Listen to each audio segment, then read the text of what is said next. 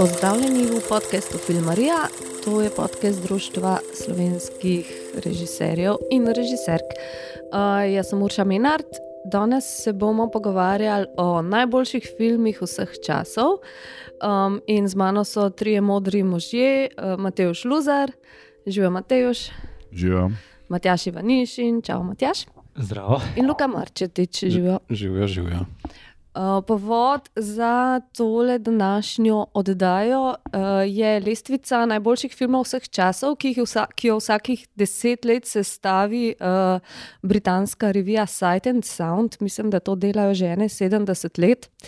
Uh, na vsako, vsakih deset let, vedno, ko se konča z dva, mislim, da uh, izdajo. Zdaj, uh, mislim, začetku decembra, da je izšla ta nova lestvica, in zadnje par uh, krat so naredili tako, da so vprašali kritike posebej in režiserje posebej. Uh, na lestvici najboljših filmov, kritikov vseh časov, je na prvem mestu prvič film Jean Dilman, um, Chantal Ackerman.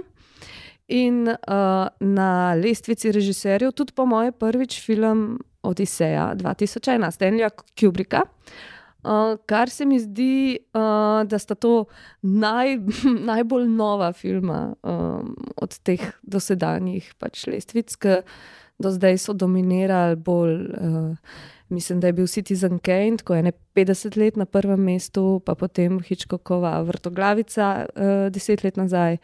Uh, režiserji, mislim, da so imeli na zadnje Ozuja, uh, Tokio Story na prvem mestu prej mislim, da so bili tudi tatovi koles. Skratka, uh, malo smo se premaknili v barvne filme.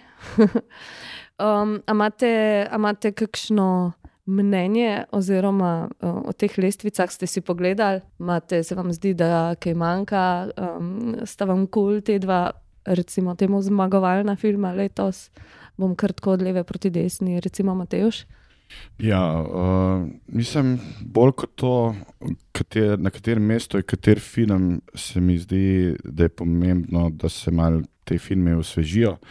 Uh, mene bolj ne, mislim, ne zanima me to, kateri je prvi, kateri je tretji, kateri je deseti, ampak zanima me predvsem ta nabor, uh, ker se mi zdi, da je prvo fajn imeti nek nabor filmov, kateri bolj, ki še nisi gledal ali pa že dolgo nisi gledal da jih ponovno pogledaš.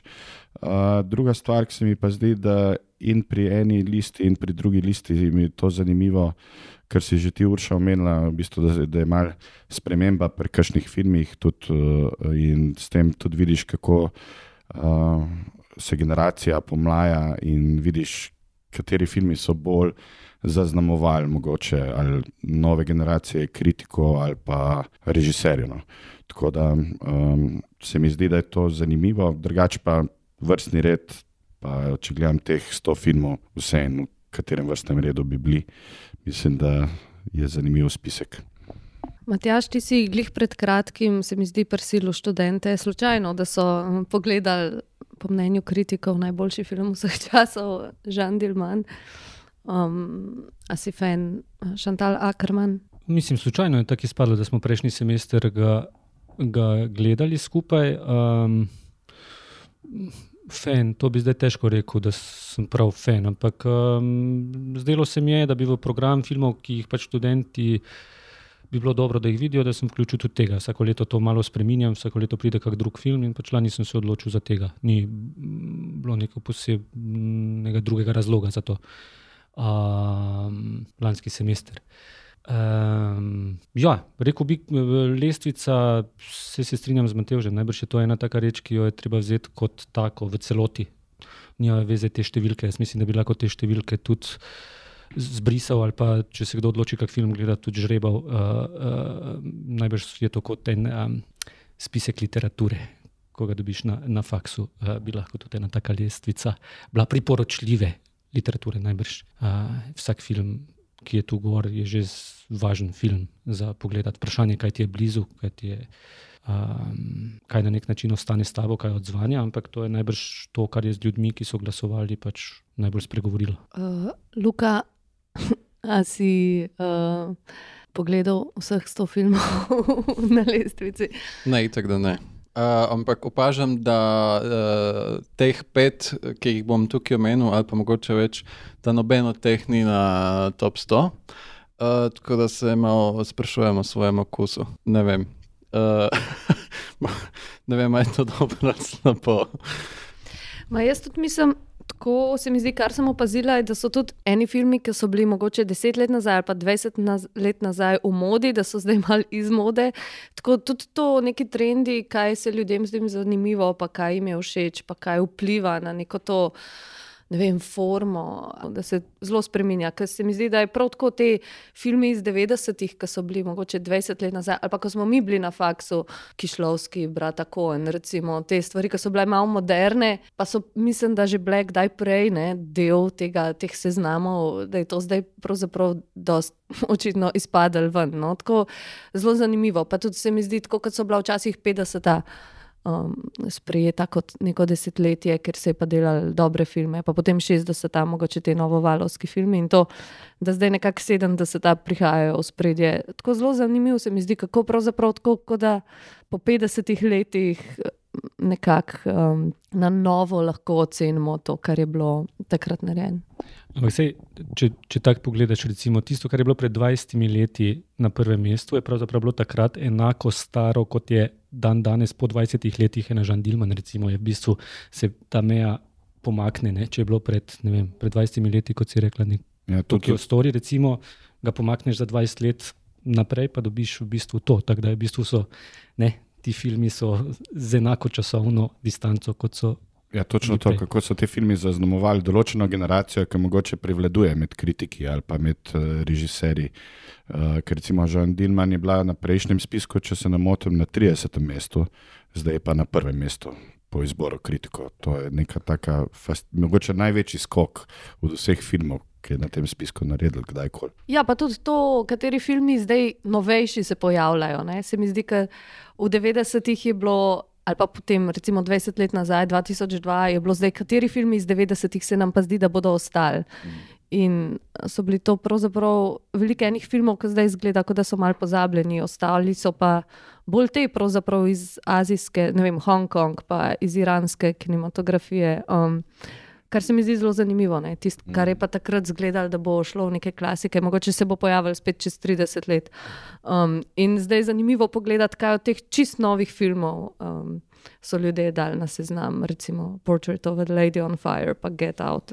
Tako, ja, parazit. Pa, pa vem, sklepam, to... da čez 20 let teh filmov tudi ne bo. Tako tak zeitgeist moment se mi zdi kar zanimivo. No? Malo so prenovi filmi, da bi lahko bili tukaj. No. Sploh niso imeli še šanse preživeti uh, preizkusa časa in, in ne vem. Tako. Ampak tako malo hecen, kot lani mi je bil ta film čez hud in zdaj ga bom kar dal med najboljše. Ampak spoh ne vemo. Ampak vse to je tudi čar tega v resnici. Čez deset let. Da moraš trikrat pogledati, da rečeš, eto pa je. Ne, ne, ne trikrat, ampak čez par let bolj.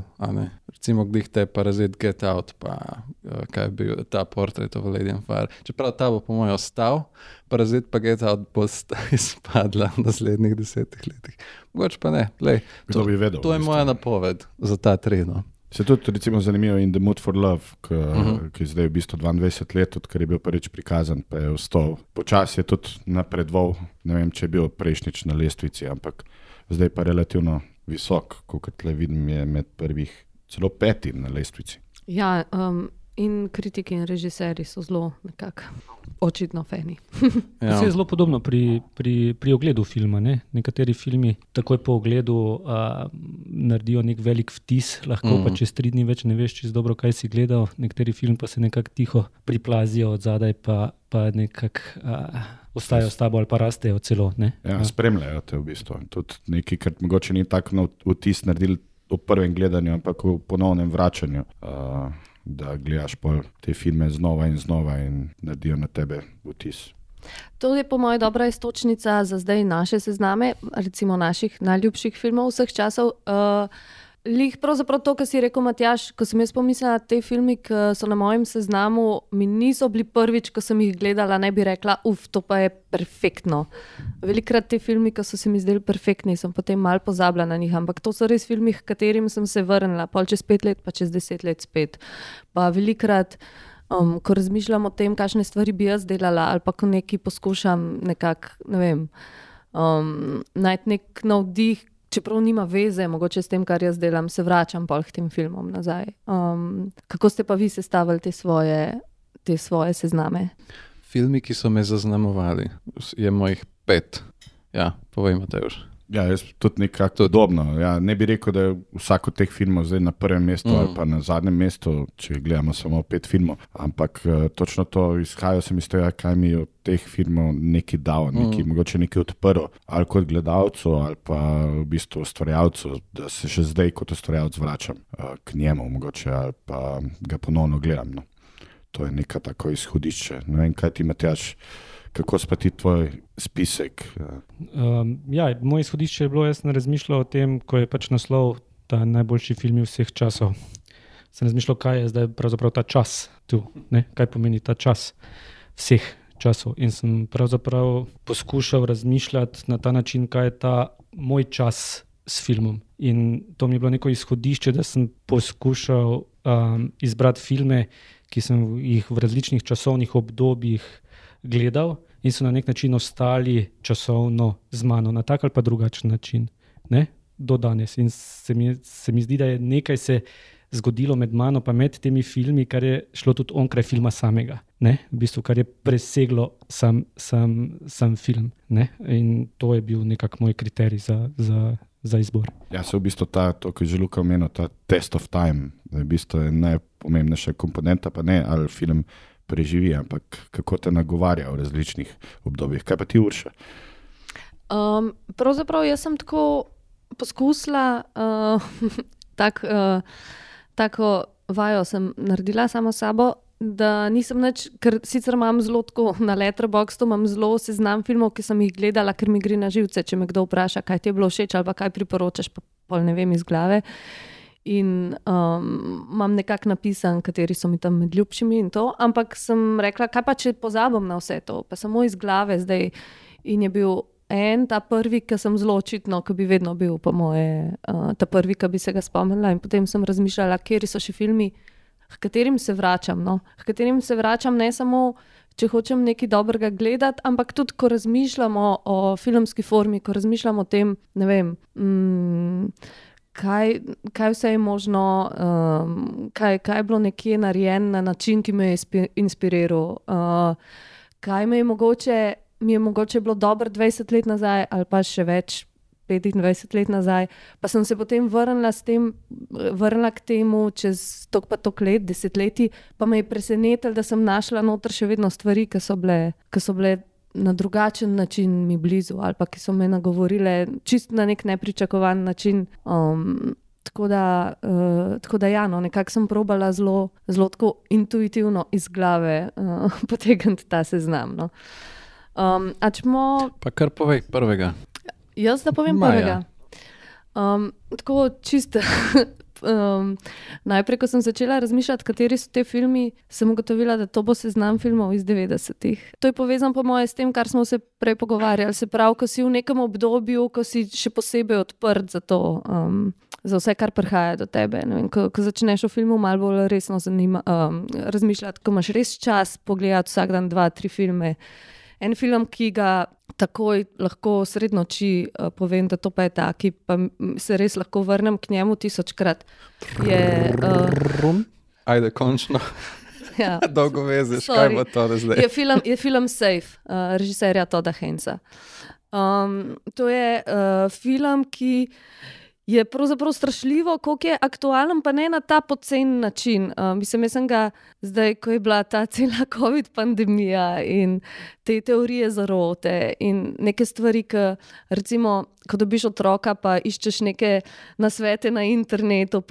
Hitro tako zabredeš v, neka, v neke čudna gojišča, nekih čudnih uh, um, prepričanj in um, prav nekih religioznih, že skoraj takih Age uh, dogem. Uh, se mi zdi, da je vem, ene stvari napovedal, ampak ne na tak, ne pocen način, se mi zdi. No?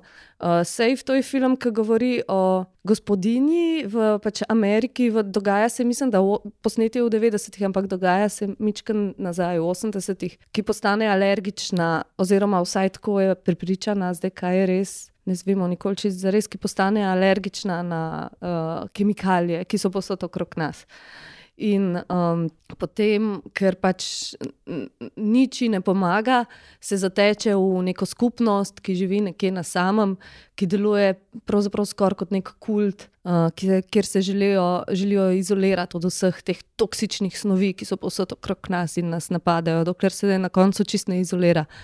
Um, mogoče, mislim, ta film je bil vedno tako kot tudi. Ta, ta, to sodelovanje med Todom Hensom in Julianom Moore, mislim, še vedno vse, kar naredi, ta, se mi zdi super, tako res nekako spremljam to kombinacijo od začetka. In vsi filmi so mi super, ampak tukaj se mi zdi, da je res um, to nekako dosegel vrhunc. Vedno sem, vedno sem imela rada ta film, ampak ko sem ga pogledala tam nekje 2020, recimo, spet se mi je zazdelo, wow, kako ene stvari, ki so pravzaprav bile očitno v zraku že 20 let nazaj, oziroma še več. Um, kako so pravzaprav v tem filmu tako nesmrtno točno opisane, neke tendence človeške. Um, plus pač te stvari, ki so nekako zelo, ne vem, standardne, ki v tem filmu se mi zdi zelo dobro funkcionirajo, ki so glih eno pikico nad tem nekim uh, realizmom, mečken stilizirane, scenografija, kostumografija, tudi dialogi. Recimo. Tako eni stavki so teh filmov, ki mi kar grejo po glavi vsakdanjem življenju. Um, recimo, ko reče uh, Julian Moore, da je total milkoholik, pa take neki, take neki uh, pravzaprav stilizirane, neke parole, ki so mal na meji med, med neko ironijo in med tem, da so smešne, ampak pravzaprav si jih Todd Haynes nikoli na tak način ne loteva. On zelo tako straight uh, vse to obravnava in je zelo na strani, pravzaprav te glavne junakinje, ki pa to ne tako vedno globje. Mene je malo šokiralo, v bistvu, ker sem bil prepričan, da boš rekla psiho. Ker smo bili na akademiji, si vedno govorila o psihu. Oh, wow. uh, ja, sej. Se mogoče je na seznamu. Ne, ni na seznamu. okay, uh, spoiler. Um, ja, psiho mi je še vedno zanimiv. Imam pa mogoče, bomo naš, če bomo prišli imeli toliko časa, da naštejemo še neke take. Imam en drug hičkokov film na um, tem nekem mm. pomožnem seznamu. Kar imate još mogoče nadaljuj. Uh, Um, ja, tako ta prvega, ki sem povedal, ni prvi, ampak vsak od teh petih bi nekako lahko bil prvi, pa peti, pa tretji. Ampak bom kar rekel, v bistvu en film, ki mi je mogoče za časa študija. Ali pa še predtem, v bistvu, kot si ti rekla, Urša, v tistem nekem obdobju uh, zaznamoval, pa hkrati sem se vračal do njega in ga še vedno pogledam. Mogoče je tudi film, ki sem ga največkrat videl in to je uh, Pobesneli Bik od Martina Scorseseja uh, iz leta 80, um, črno-bel film, uh, ki um, govori o življenju, karieri boksarja Jakea Lemote in je film, ki spremlja njegovo življenje, njegov propad. In se mi zdi tak nek zelo iskren film, uh, ker se mi zdi, da je ena od komponent, ki meni osebno pomembna. Uh, iskren pa mislim tudi zaradi tega, ker to je bil takrat, ko je Scorsese delal ta film nekako v istem psihofizičnem stanju, kot je bil Jake LaMotta v najglobji globeli svojega življenja. In ga je Scorsese delal kot svoj zadnji film, ker je mislil, potem, da bo to njegov zadnji igrani film, potem bo pa delal samo še dokumentarce o svetnikih in ne vem kaj. Uh, in je tudi mi blizu film zaradi tega, ker nekako slika pripoveduje to neko notranje počutje, se mi zdi, Jake Lemote, ni samo na tej neki dramaturški ravni izpiljen film, ampak tudi v tem, kako je posnet in kako recimo obravnavate prizore boja. In um, velikrat rečem, da je tako za mene to en. Najbolj zrežiranih filmov, uh, ker uporablja tako sliko, igro, kot uh, seveda tudi zvok. Uh, mislim, da ima ta film tudi izjemen, izjemno zvočno podobo um, in ga vsem priporočam. Je pa res film, v katerem se vračam um, in ga gledam. Ful presenečen je, da si dal črno-bel film na prvo mesto. Pa mislim, Ampak da, iz leta 80. ja. No, pa sej to, ja, takrat, ko niso več bili, ko, ko je že bilo malo uh, čuden, da delaš črno-bele filme. Mislim, da tudi film. Od, sicer ni recimo, moj najljubši od Scorsese, ampak film, kjer je res vedno dal kamero na pravo mesto. To mi je tako mogoče od teh njegovih tukaj. Ja, jaz bi še šel korak dlje, ni dal samo kamero na pravo mesto, ampak še pravi objektiv na pravi način posnel. In je, se mi zdi, da v tem filmu se ne samo to skriva, tudi nekako uh, navezava na filme 50-ih, recimo na filme Kazana, ki recimo na ne, določenih delih filma citira. Tudi on the waterfront, tudi podobna tema brat, med bratom in izdajstvom med bratom je zelo podobna kot uh, tam. In je zanimivo, da je ta film nastal skoraj v podobnem času, kot recimo Roki, ki je pa tudi film o boksu, ampak sta popolnoma različna filma. Izvoli, Matjaš. Ja, um, jaz sem malo razmišljal, kako bi pravzaprav to lestvico sestavil, pa malo, ker je toliko to na ključje mi važno, tudi pri stvarih, ki jih jaz počnem, sem pol rekel, bom si naredil eno tako. Eno tako, ene take zabeležke, pa, kjer vrstni red ne bo niti toliko pomemben, tako da imam tukaj ene take številke oziroma črke v krokcih. A, in um, je, iz vsakega obdobja sem izbral en film. En film je, ki sem ga videl v osnovni šoli, en film je, ki sem ga videl v srednji šoli, en film je, ki sem ga videl na faksu, in potem je en film, ki uh, ima veze z obdobjem po pač, študiju um, režije. Um, zakaj so samo štiri, ne pet, eh, bom kasneje povedal. Z enim od teh bi se zlahka navezal na, na Matevža, zdaj, ampak da se držim prvotnega plana, evo, um, povej Urša, katero. Uh, po moje, tale R me, me zanima. R je izjemna izbira uh, in to je film, ki sem ga videl v osnovni šoli in film, ki ga je, kdo bi si mislil, Matevž omenil ravno kar. In to je film Roki. Um, in tu spet, okay. tu spet eh, malo Nice. švinglam, eh, zaradi tega, ker um, ni to en film Roki, ampak je cela serija filmov uh Mhm. -huh. o Rokiju. Blik sem mislil vprašati, ali je enka ali. Ja. Ne, Ne, to je um, človek, roki. Ja, bom takoj povedal, zakaj. Zdaj, ko smo rekli, da so filmi, ki na nek način ostajajo s tabo ne, in te na nek način preganjajo. Ne. Uh, ta film ni, da bi se jaz vračal k njemu, ampak se on vrača k meni, ker on pravzaprav še vedno nastaja v teh nadaljevanjih in skozi on v bistvu hodi k meni. Ni, da bi se jaz vračal k njemu, ampak on prihaja k meni in tukaj je v bistvu jedro, po moje, tega, zakaj sem ga izbral. Jaz, ko sem bil v osnovni šoli, sem v bistvu videl najprej film Roki 4. Um, ki je bil takrat en tak film, pač gledal si ti tega junaka, ki um, je en predstavljen v filmu, pač tak um, preprost um, človek, um, ki se zdaj bo spopadal z, nekim, z neko težavo, z nekimi problemi in pač seveda na koncu mu tudi uspe to, to premagati. In mm, takrat eh, se mi zdi, da je, da je nekako ta film v tem navijaštvu z naše strani, ko smo bili v osnovni šoli, imel nek učinek, da smo mi res navijali za tega junaka, da bi mu, da bi mu uspelo. Um, sami smo takrat um, odraščali predvsem skupaj s športom, tako da se mi zdi, da je to še posebej name naredilo vtis, da je nek rok z nekim trdim treningom, pa nekonvencionalnimi nekimi metodami treninga uspel uh, pravzaprav premagati tega nasprotnika, ki je bil ta Čakaj, Ivan Drago. roki, ki, uh, ne, ni to, ta, ti se dvojka, ki zhod z, uh, po zimi nekaj trenira. To je tisti, Tudi tu po zimi To je Tudi trenira. tako, vleče, vleče hlode. Tako, ne? tako, tako, A, ne. Pa sem prav, ga Med- Medtem Rus, ko- Rus je njegov nasprotnik, ne, ta Ivan Drago, Ki pa ima tekoči trak. ki pa ne, ima pod neke mašine, nekaj on tam vse mu merijo, nekaj pri roki, pa noben nič ne meri, on je sam in se bori z vremenom in s temi treningi in pač gor dol. Uh, Sveda, sjajna stvar v tistem času, in potem sem šel pogledat za nazaj tudi Rokije, ker je pač, ko je Roki ena nastal, je to bil film toliko pred mojim časom, ne, da ga nisem takoj kot prvega videl, sem ga videl malo kasneje in potem vse po vrsti. No, ampak zakaj sem pravzaprav Rokija v bistvu uvrstil na to listo, oziroma serijo filmov o Rokiju? Zaradi tega, ker se mi je zgodilo nekaj pravzaprav neverjetnega. Ko sem v bistvu odgledal, uh, mislim, da je to po vrsti šesti film, ki ima, nima, se pravi, mislim, da gre o Roki 1, 2, 3, 4, 5, potem pa pride šesti film, ki ima naslov Roki Balboa. In eh, jaz sem šel ta film gledat, in tukaj se mi je pa zgodil en neverjeten obrat. Da pravzaprav sem naenkrat začel gledati tega Silvestra Stalona znotraj pač teh filmov kot dokumentarc. Jaz sem gledal tega človeka, ni več bilo, da se roki vrača v ring ponovno, kar je seveda v filmu on naredil, ampak vrnil se je Silvestr Stallone, ki se od tistega prvega roka naprej skupaj s temi filmi stara. In je ti filmi na nek način postajajo neki dokument tega človeka, igravca, ne več nujno te vloge, ki jo on igra, ampak prav njega osebno. In to me je pa presunulo na nek način, da jaz gledam tega Silvestra Stallona, ki se ponovno vrača v film, kot se roki vrača v ring. Skupaj ta čas naredi svoje, in da ta v bistvu kamera, ki ga spremlja znotraj fikcijskega filma, hkrati spremlja tudi Silvestra Stallona znotraj njegovega življenja. In to je dokument.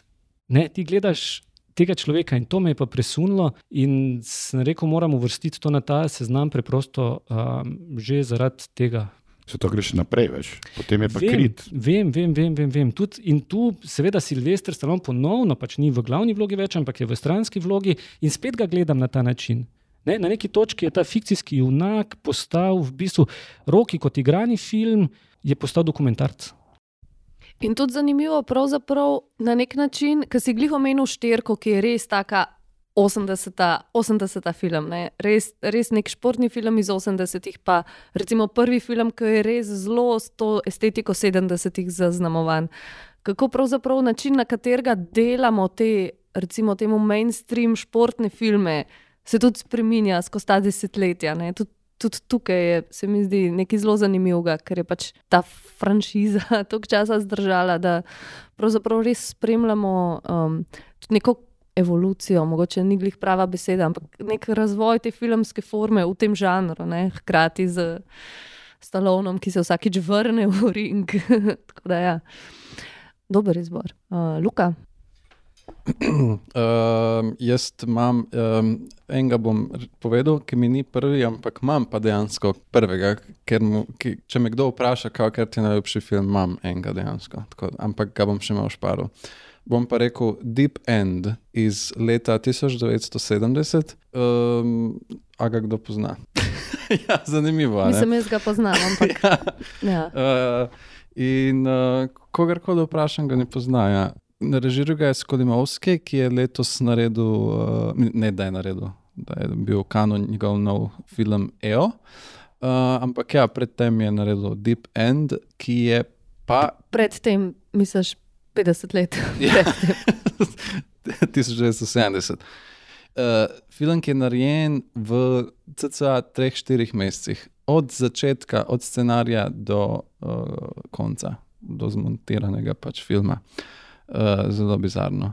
Um, in to je Poljak, režiser, ki je snemal v Nemčiji z nemško ekipo in z angliškimi igralci. In pač ni znal angliščine, sploh takrat angliško govoriti. Tako da je res proje, cel projekt je bizaren sam po sebi, kako je nastal, in tudi sam film je uh, čez bizaren sam po sebi. Je pa zgodba zelo enostavna, nek tak rom-com, coming of age o enem 15-letniku, ki je obseden z eno starejšo uh, sodelavko. Um, in delajo skupaj na nekih bazenih tam, um, in po, on pač hoče biti na polno z njo, ampak je star 15. Ampak ona je pa tudi taka, uh, ki rada flirta in pa se tudi igra z njegovimi hormoni, res uno na polno, pa zaročena je, pa malo. Um, ogromno je pasti v tem filmu, da bi lahko bil tako, recimo, na polno nek inselovski ali pa neka moška fantazija, ampak nič od tega ni za res in to mu zelo dobro uspeva. Um, in uh, zanimivo mi je tudi, da ko ga pogledaš, sploh ne veš, uh, to je, nor, da sploh, ko ga pogledaš, sploh ne veš, kaj se gleda tukaj in, in zakaj je to sploh dobro. In pol, ko sem šel brati kritike, so tako, tudi sem, tudi sem slišal. I, uh, kao, jaz, jaz sploh ne znam razložiti, zakaj je to dobro. Tukaj pač stvari štimajo, scene so not, ki nimajo nobenega smisla, ampak to pač vse skupaj štima. Um, in zaradi tega mi je uh, tudi, tudi meni, mi je tak en, ne vem, bizaren primer, kako narediti en tak film. Um, ne vem, ne vem. Z, z, težko je tudi govoriti o njem, glih za to, ampak ga moramo meniti. Uh, že zato, da sploh folk ve, da to obstaja in da ga pogledajo. Um, pa tudi, ko, uh, dal sem si vedeti, da, da gre za dober film, ko sem videl, da ga imajo eni, recimo ta Anja Varda, ga ima tudi pod najboljšimi filmi. Ko sem pa pomislil, da je okay. nekaj delam prav, očitno, hudo, super. Um, si si dovolil, da ti je všeč, yes, si rabo dovoljenje. Tako, rabim malo, veš, slišati to drugo. Drugače nisi mislil danes povedati, ampak pa si preveril, če je še na kakšni lestvici. Pa... Ja, je pa tudi zanimivo, da sem ga gledal šele uh, kakšne dve leti nazaj. In ne morem verjeti, to mi je čisto hudo, da dejansko še dan danes lahko greš gledati nek film, ki ga še nisi gledal, in ti postane kar tako med top 5 najljubših filmov, ki si jih gledal. Ne Misliš nek film izpred 50 ki ga let? pač, ne vem, ki ga pač nisi gledal. To je to. Uh, misliš, da imaš najljubše filme, ampak greš jutri gledati enega, pa še na ta način, da sploh ne veš nič o njem. Sam slišal si, da obstaja. Grem pogledat, kaj to je. Puf, kar naenkrat je na top 5 najljubših filmov. Um, ja, se mogoče kar je pri tem filmu, no, zdaj ne vem, zakaj je tep med top 5 najljubših, ampak kar se mi zdi ga loči od filmov, ki smo jih vajeni, je glih to, kar ti vedno rečejo, pol, ko berejo tvoje scenarije, vsaj ali imam pa jaz to izkušnjo. Tukaj je pa ta ton, ful se menja, more, ne, ni neka enotna atmosfera. Ne, jaz mislim, da če bi ta film bil scenarij po delavnicah, to, to bi ga uničili, to ne bi nikamor prišlo. To je pač totalna norija, ta cel scenarij. Ampak pač dejansko štima, super je. In, in, in, in tudi, ker je evropski, nekako, in ker je to skolimovski, je, je, je, je uh, zelo dark konec, slab v resnici. Um, in v Evropi je bil zelo dobro sprejet, ko je prišel ven, potem je šel v Ameriko in so ga totalno hejtali, zato ker, wow, pa to je kar nek romantičen film, konča se pa tako, eh, vi, Am- pol je pa on, ker ti- vi američani, vi sam hočete, da vse je lepo in pravo. Ne? Ja, tako da je, on je to zelo dobro upravičeval, jaz pa tudi totalno podpiram ta, ta, takšen pogum. No. Tako ene stvari, ki bi mislil, da ne, nikakor ne grejo skupaj v tem filmu, kar nekako grejo skupaj. Tako, tako da morate gledati, vem, da no, no, noben od vas treh ni gledal in večina poslušalcev. Tako da ja, eh, priporočam Deep End.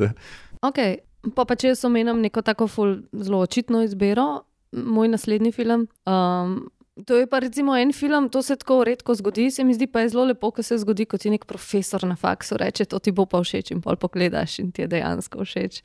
Um, Ko sem, ne vem, 20 let nazaj mi je rekel Miran Zupanič, poglej si Marjetice, to je lih v kinoteki drug teden, to ti bo super. In sem rekel, ja, to profesori, kaj pa oni vejo. In sem šla gledati Marjetice, Vere Hiti- Hitilove, to je pač en tak zelo tipična, pravzaprav češka klasika iz Novega Vala in uh, to še vedno mi je super, uh, po 20 letih. Um, kar je pravzaprav dobro na tem filmu, se mi zdi, da je to pa res.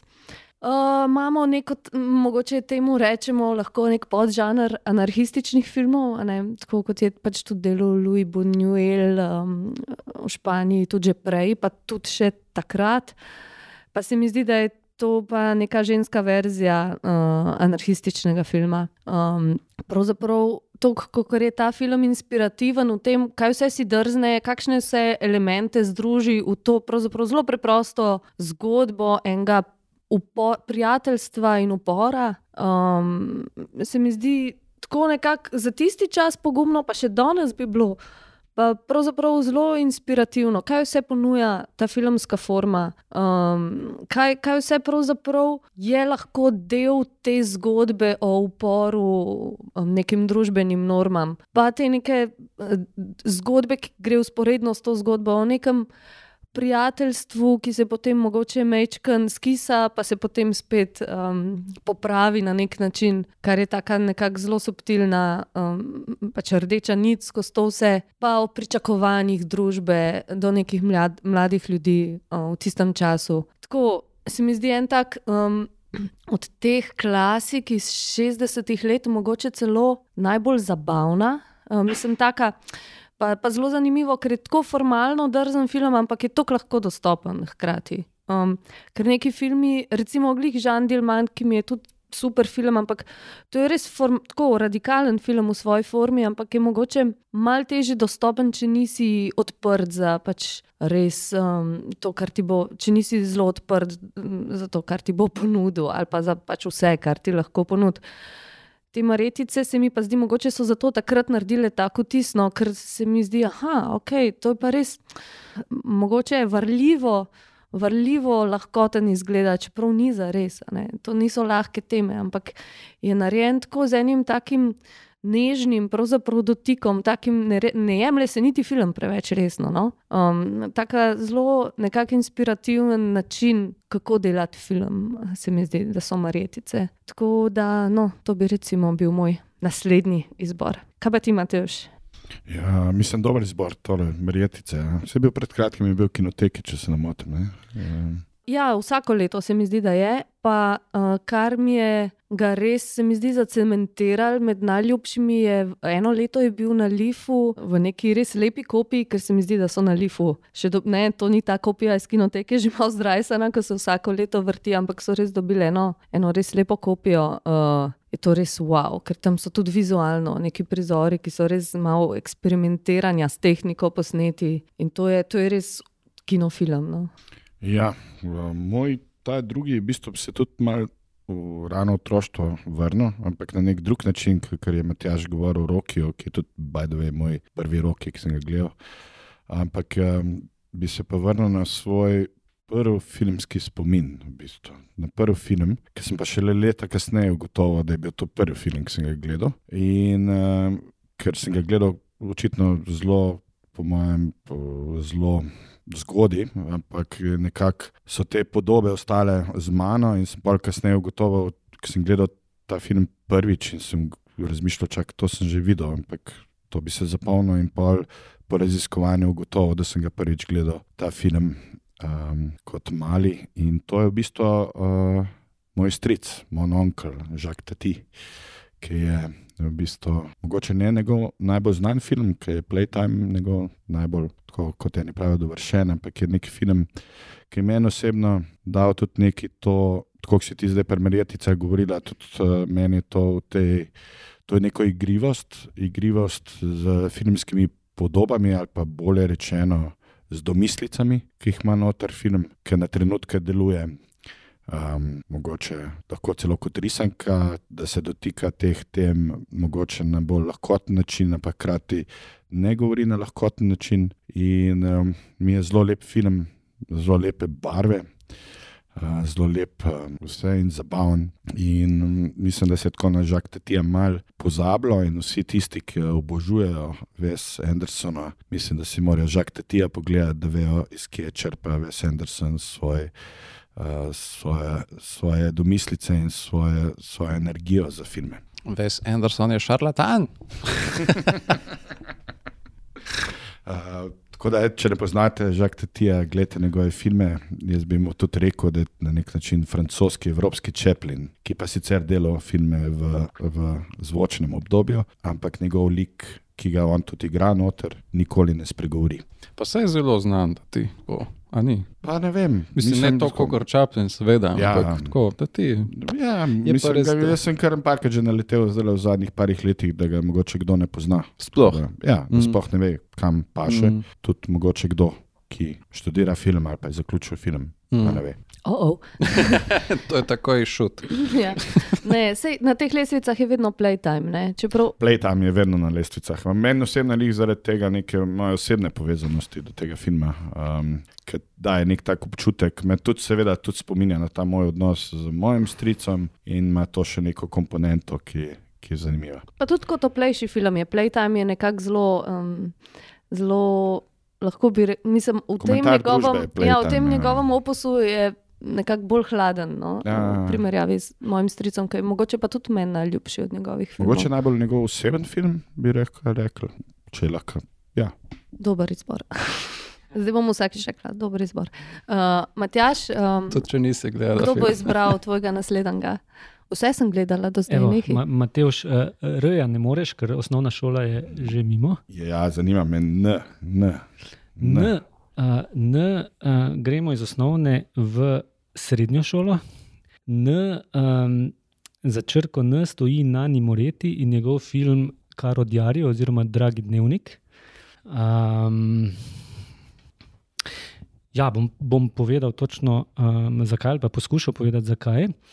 Um, zdaj, ko sem prišel v srednjo šolo, je, um, jaz predtem nisem, nisem kaj dosti niti filmov gledal, niti me ni film kaj posebej zanimal. Um, zdaj, ko sem prišel v srednjo šolo, sem pa malo začel v bistvu razmišljati tudi o tem, da bi sam poskusil kaj s to kamero narediti. Se pravi, neka svoja občutja ali pa nek svoj odnos do stvari, ki so okoli mene, poskušal na nek način izraziti um, preko tega medija filma. Kaj lahko s to napravo, kamero, v bistvu zabeležim in kaj bi to uh, lahko bilo.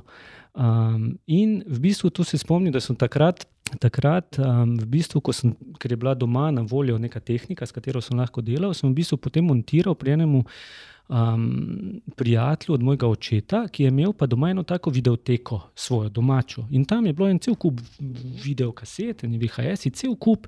In jaz sem prišel k njemu, če bi lahko tam malo zmontiral, on je seveda. Bil tako prijazen, da je mi je pomagal pri tem, da sem tam začel montirati prvič te svoje stvari, ki sem jih, ki sem jih posnel. In je rekel tudi na eni točki, mi ti si lahko pa zdaj vzameš karkoli, kar, kar je iz tega um, nabora. In pol sem jaz, v bistvu si tam, tam vzel um, v bistvu dva filma, uh, dve kaseti, samo po naslovih, um, in en je bil. Uh, Uh, Grenke so za Petra von Kant, drugi pa je bil Dvojno Veronikino življenje. Mislim še zdaj, da je to zaradi pač, po moje, nekih um, imen ženskih, po moje, ki so bila že v naslovu. Um, To sem pogledal, na nek način mi je um, ta Fassbinder mi je bil, nisem ga dobro razumel, nek čist drugi svet mi je bil, nisem vedel, kaj točno to je, nekaj je bilo tam zanimivega. Taki šlovski je bil mi pa malo bližje in sem to tudi gledal, potem večkrat in se tej Veroniki, mislim, se malo zaljubil v to Irene Žakob. In um, predvsem tudi se mi zdi, da me je muzika od Priznerjeva zapeljala. Tako da se spomnim, da sem takrat potoval na Poljsko v nekem malem kraju. Je bil koncert, kjer je on dirigiral, prav Prizner, temu orkestru, um, to, to, to glasbo iz filmov. Um, ampak to ni bil moj izbor, to me samo pripelje do tega, da me je v istem obdobju pravzaprav našel nek film, ki je imel naslov Dragi dnevnik. Nanja Moretja in tam pa Nani Moreti v nekih treh poglavjih um, sam v svojem filmu igra. In pravzaprav v prvem delu ne počne nič drugega, kot samo to, kar ima pač zelo rad, in se vozi s to svojo vespo po Rimu, ki je takrat čisto prazen v tem času dneva, in on samo v bistvu se vozi okoli in v nekem tem um, času nam poskuša pokazati stvari, ki jih pač ima rad, sosedske, različne, skozi katere se vozi. Um, v drugem delu poskuša delati na nekem svojem filmskem projektu, ker je on istočasno tudi filmski režiser in pač hodi.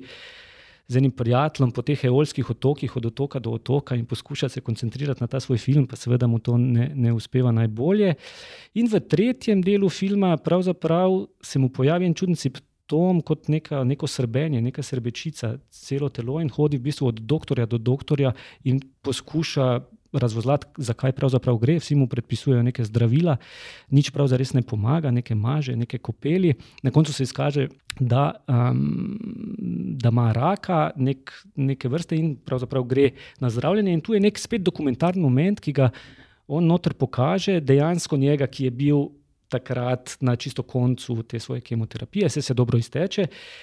Ampak ta film je na nek način mene že takrat na nek način presunil, mogoče zaradi tega, ker sem se sam loteval filma, pa tu je bil nek filmski ustvarjalec s vsemi svojimi problemi na delu.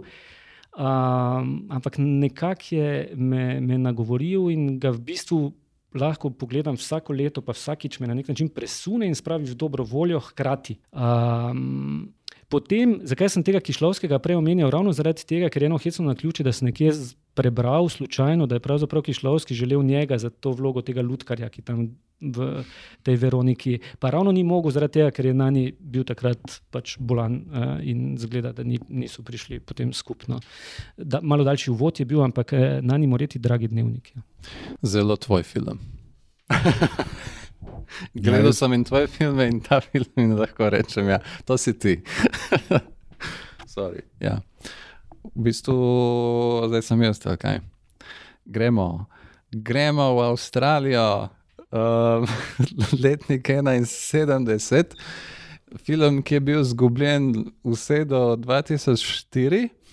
Uh, ko so ga digitalizirali, uh, porihtali in so imeli premiero v Kanu leta 2009, režiser je Ted Kočev, meni se zdi, da se tako reče. Uh, Rambo je delo ena, uh, pa Weekend at Bernie's, potem je najbolj znan. Um, ta film je pa Wake and Fright, uh, tak exploitation film um, po knjigi. Ker je zanimivo, je to najbolj avstralski film, ki ga pa ni naredil Avstralec, ampak bulgarski, kan, bulg, iz Bulgarije in Kanade je Ted. To sem danes v bistvu prebral, skozi sem mislil, da je iz Kanade, ampak je tudi Bulgarc v resnici, kar je kar zanimivo. Zakaj pa to meni dober sploh? Zato, ker um, Jaz imam zelo rad te neke nišne um, situacije, tako v življenju in, in v filmih, in ta film se točno dotakne vseh teh stvari. Kot prvo, dogaja se nekje Bogu iz Aleža, uh, v puščavi v Avstraliji, v nekem mestecu, kjer ni nič razen Švica in alkohola in uh, pretirano prijaznih lokalcev. Druga stvar je totalen dolg čas in kako ta dolg čas narediti v bistvu v, v nekaj zabavnega. Kar je ta film. Uh, zelo nihilističen in je o enem uh, učitelju, ki uči v eni osnovni šoli, kar nekje, in pol gre domov v Sydney k svoji punci uh, za božične počitnice, ker je tudi kar hecno, ker to je tam sred puščave, ker so ne, stopinje takšne in takšne. In um, in on tam obteči, ker zgubi ves keš, in on živi tam z lokalci in ga pije.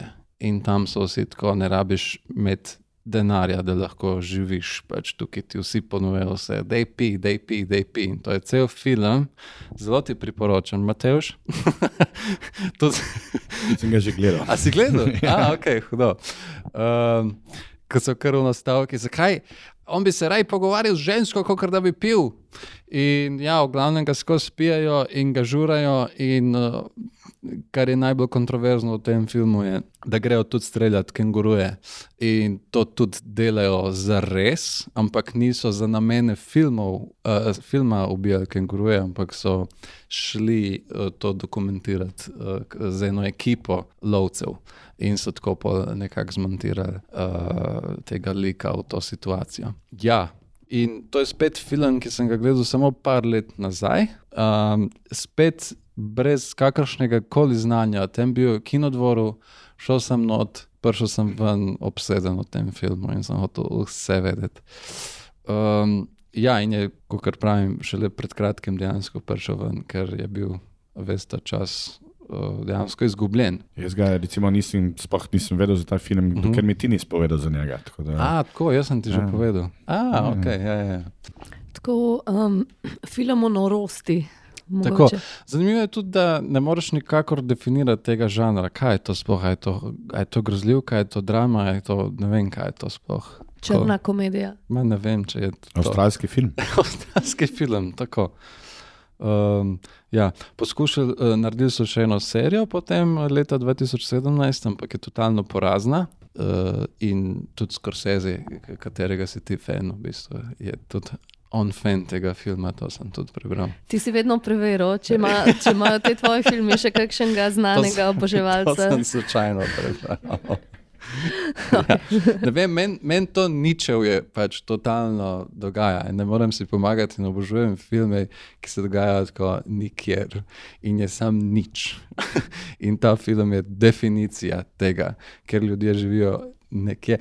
In, in, in še dan danes poskušam dobiti nekoga, ki je tam ali živel, to je drugače resnično mesto, uh, ali živel, ali da tam živi um, da bi imel videl, kako je res odraščati v eni takšni lokaciji. Jaz mislim, da veš, kaj bodo tvoje naslednje počitnice. Ja. Da Greš, mislim, da moraš iti tja, pa to videti. to je daleč. In sem Google in sem najdel kao neke kao, ja, te nepremičnine v tem mestu, Broken Torej, Hill. ne boš šel na počitnice, ampak se boš preselil. Smešno mi je bilo, Broken Hill se imenuje. Kao, kupujem uh, v tem mestu, kao, če mi kdo lahko priporoča, je, bilo, je bil odgovor, zakaj bi tam živel. Tako da ja, moram, moram zvedeti več o tem mestu. Ampak ja, pa sej to je konec koncev, tudi mi imamo takšne lokacije, tudi Hrvaška ima tak, te pač od, odročna mesteca, kjer ga folk samo pije in so depresivni in je v bistvu vse skupaj žalostno. Ja, ampak tukaj je to še posebej meni všeč, ker je to uh, setting, je ta puščava, ki mi veliko bolj dogaja kot kar um, uh, narava, oziroma ne narava, zelena narava. Uh, ta rjava narava, oranžna narava. To je še bolj nič v bistvu. Okay, uh, ja, moj naslednji film, to je zdaj že tretji, um, je en, za katerega najnovejši od teh mojih. No? Uh, pa sem mislila, da je novejši, pa sem zdaj prej le preverila, v bistvu iz leta 2002, tako da je tudi že star 20 let. Uh, ki ne vem, zakaj se vedno vračam k njemu. Tako kot se mi zdi, da za druge lahko razložim. Zakaj so mi všeč, za tega pravzaprav ne morem, razen da je zelo dobro reže, zrežiran, kot so vsi filmi od te režiserke, mi zelo dobri. Um, ta ponavadi se ne znajde na teh nekih seznamih najboljših, ampak jaz se glih temu vedno vračam. To je film Morvern Color od uh, Lynn Ramsey, škotske režiserke, ki jo mogoče bolj poznate po um, vem, filmih Redcatcher ali pa uh, po te novejši so bili uh, We Need to Talk About Kevin, uh, pa recimo z Joaquinom Phoenixom, kako je že bilo naslov. Uh, temu ta zadnjemu. Uh, Ta dolg naslov, ki se ga ne zapomniš, v bistvu, ampak izjemen film. You were never really there, ampak ne vem, če je tako. Neki, Nekaj ja, takega. nekdo je nekje ni bil. Ja. Uh, v glavnem, mislim, jaz mislim, da je ona od teh sodobnih avtorjev uh, res ena od teh, ko je treba takoj v kino, uh, Lynn Ramsey.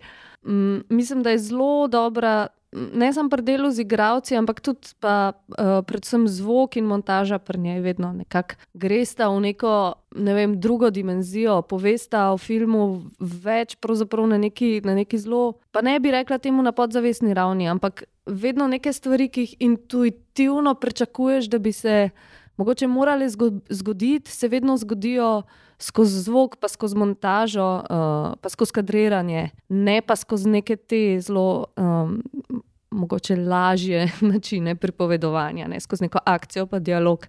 Um, se mi zdi, da tudi vedno nekako zelo dobro ve, um, zelo dobro ve, v katerem momentu pravzaprav nekaj pokazati. Tako, uh, zelo rada imam mm, to, ta njen način pripovedovanja zgodb.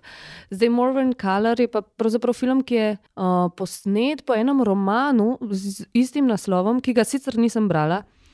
Um, zgodba je o eni punci, od katere fant na začetku naredi samomor, oziroma to se je zgodilo že pred začetkom filma. Ona ga najde in najde tudi na njegovem računalniku, um, kot rokopis. Ne vem, zdaj, če se temu še reče rokopis, če je na računalniku, ampak za njegov prvi roman, um, ki ga očitno je pisal, pa noben mu še poslal, morda že tudi dokončal. Ona zbriše tam uh, njegovo ime, napiše svoje ime, ki je Morven Color, to je pač škotsko ime. In uh, pošlje ta rokopis nekim založnikom, in gre z neko prijateljico oziroma sodelavko na dopust uh, v nek tak zelo stereotipen rezort, kamor si predstavljaš, da uh, mladi ljudje iz Velike Britanije hodijo na pocen dopuste žurat. Um, zakaj mi je ta, prav ta film med njenimi najljubši? Mislim, ena, tukaj je neki mogoče ta tema tega prijateljstva med mladimi puncami, ki je mogoče tudi v Marjeticah neka tema, ki mi je zanimiva. Ampak um, ta. Če se malo navežem na Waking Fright, to, kako ona v tem filmu um, prikaže ta dolg čas, vročino, to neko odtujenost, to se mi zdi, mislim, ta neka osamljenost, odtujenost je pravzaprav v velikih njenih filmih neka tema. Ampak kako to pokazati skozi skoz neke, um, skoz neke situacije, na kere ne bi pomislil, ko, ko o teh temah razmišljaš. Se pravi, neko, um, neko letovišče, kjer je zelo vroče, kjer se vsi zelo zabavajo, neke poceni hotelske sobe. Tako se mi zdi um, dobra kombinacija tega, o čem pravzaprav govori, in tega, kje se film dogaja. In potem film na, enom, na eni točki res malo odbluzi, nekam po tem otoku in tako. Um, In ta tudi ne navaden konc, pravzaprav pa ne bom zdaj povedala, kakšen, ampak tako nekako pričakuješ, kam bo to šlo, pa sploh ne gre v tisto smer. In ne znam povedati, zakaj mi je, um, zakaj mi je tako drag, ampak vedno se vračam k njemu, ker se mi zdi, da ene stvari, ene stvari um, tako učinkovito pove, pa zelo dobro se mi zdi, da tudi pripoveduje s kontrasti um, ta hladna škotska, pa potem te uh, vroče letovišče, recimo, pa um, te kontrasti v teh odnosih med ljudmi. Um, igra pa Samantha Morton, mislim, da je to bila mogoče celo njena prva glavna vloga ali pa. Ena od zelo zgodnjih, tako še zelo mlada, pravzaprav igralka takrat. Mislim, ona je izjemna režiserka. Mislim, jaz bi vsem priporočil vse njene filme za gledati, tudi njene kratke. Ne ve se dosto, mislim, da je ona dvakrat dobila nagrado v Kanu za najboljši kratek film. Celo. Ja, mislim, da so tudi večinoma teh njenih kratkih filmov na Mubiju, če se ne motim. Um, ta je en je Small Deaths, je, mislim, da je eno teh, ki je bil v Kanu nagrajen, skoraj zagotovo tam za ogled. Tako da jih je zdaj ponovem, pravzaprav včasih je bilo to skoraj ne mogoče gledati, zdaj se pa da dosti tega zgodnega opusa njega pogledati. Boš kar nadaljeval, Matej, s svojim izborom? Ja, ja zdaj gledam to, da sem presekal z barvnim filmom, še spet na črno-bele film.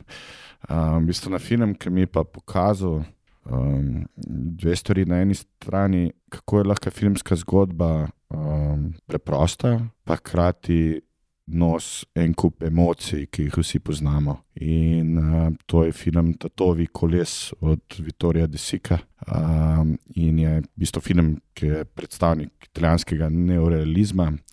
Um, izjemen film, ki govori preprosto o, o Italiji po drugi svetovni vojni in kako oče, da bi dobil službo, uh, mora v bistvu išče službo, ampak da bi dobil službo, rabi kolo in potem ukrade uh, kolo in njene, njegovem sinu v bistvu, to, um, v bistvu se ta mit očeta popolnoma podre. In ta film je v bistvu meni ki sem ga prvič gledal, v bistvu razumel tudi, kako je močna ta neka uh, primarna neka emocija, mogoče ta neka arhetipska situacija, ki jo vsi poznamo, to je odnos. Sin, oče ali pa sin, mama, um, in da je to lahko tudi dovolj za filmsko zgodbo, dovolj za film. In je film tudi, ki vedno ga nosim s sabo na nek način in um, bi ga tudi vsem priporočil. Um, Vittorija Desika je mogoče malo manj znan kot Federico Fellini, ki um, sta v podobnem obdobju ustvarjala. Um, je pa tle tudi zanimivo, da recimo ta vloga očeta igra, da ne sem pozabil ime. Ampak vem, da je to v bistvu njegova prva filmska vloga, pa spoh ni šolen igralec. Um, in seveda njegovega sina tudi izjemen um, otroški igralec, kako bi temu rekel. Ja, priporočam film, če ga niste videli, ni to 20 let star film, mislim, da je to že kar 60-70 let star film. Um. Jaz sem ga pred kratkim tudi gledal in je res nevreten. Najbolj me preseneča od vsega, koliko je not v vsakem kadru milijon ljudi. in sem se skozi spraševal, kako to, kako to sploh sponiraš, kako to narediš. Tako, še posebej ta končna scena, ki je cel stadion poln ljudi, ko pridejo na ulice. Ne, je pa res tak en preprost koncept, en oče išče koloce v film z otrokom. Hudo.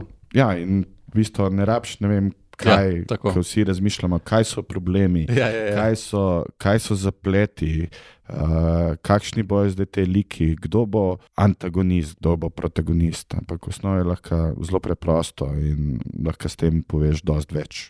In ta, ta preprostost, v bistvu, se mi zdi, da je tudi tisto, kar je, kar je zelo lepo v tem filmu. In to je tudi nekaj, kar jaz kot gledalec iščem v filmih, da v času neke preproste situacije lahko te nagovorijo na čist uh, drugačen, oče boljši način, kot pa neki, ki ima zelo veliko nekih dramaturških zapletov, bratov in salt. Čisto ena zanimivost. Um, to sem pa slučajno prebrala zadnjič, da ko so prvič sestavljali to lestvico Sight and Sound, leta 52 uh, je bil Tatovi koles na prvem mestu. Uh. Samo štiri leta star film, tako da ne, ni treba, da zdaj vedno tudi novi filmi so lahko v redu. Je valjda, da so lahko.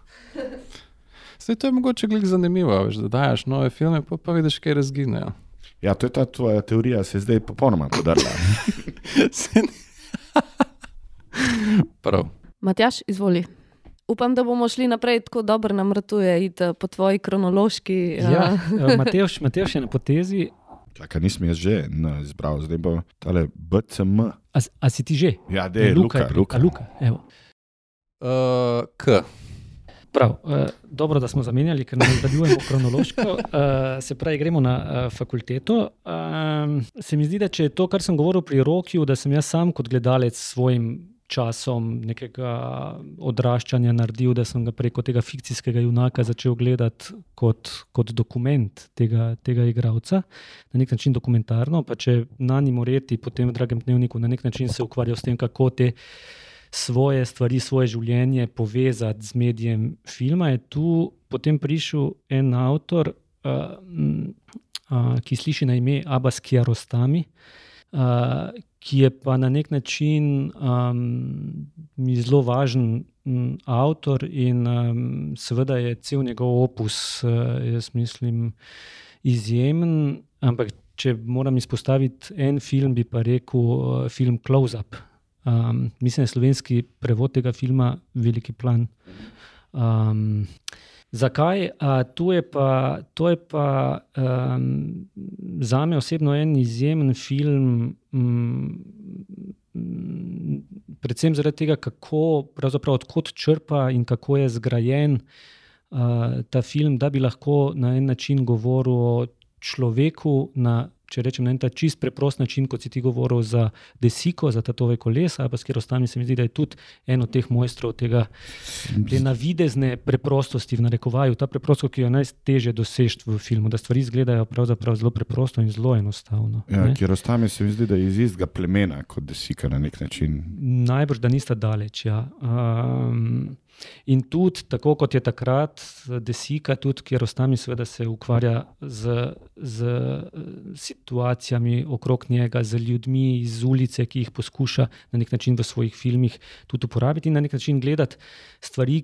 Takšne kot so, in pa hkrati pa jih nadgrajevati oziroma odzemati, da ni to ena za ena kot dokumentarc, eh, poskus tega, ampak da je pravzaprav skozi na nek način neko odzemanje, neka redukcija in hkrati nadgradnja pač tega, kar, kar je.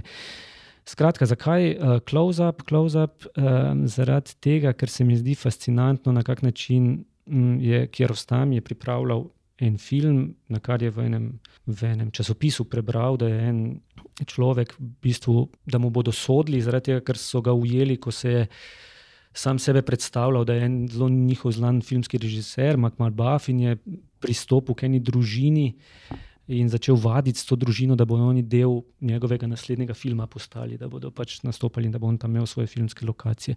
Se pravi, ker ostami za to zve in takoj pravzaprav odreagira, pusti tisto stvar, ki jo je pripravila ob strani in pravzaprav gre spoznati tega človeka, gre snemati dejansko sojenje in hkrati se z vsemi, ki so bili udeleženi v tej dejanski situaciji, dogovori, da bodo ponovno za potrebe njegovega filma igrali sami sebe, tako kot so se stvari, kot se naj bi odvile.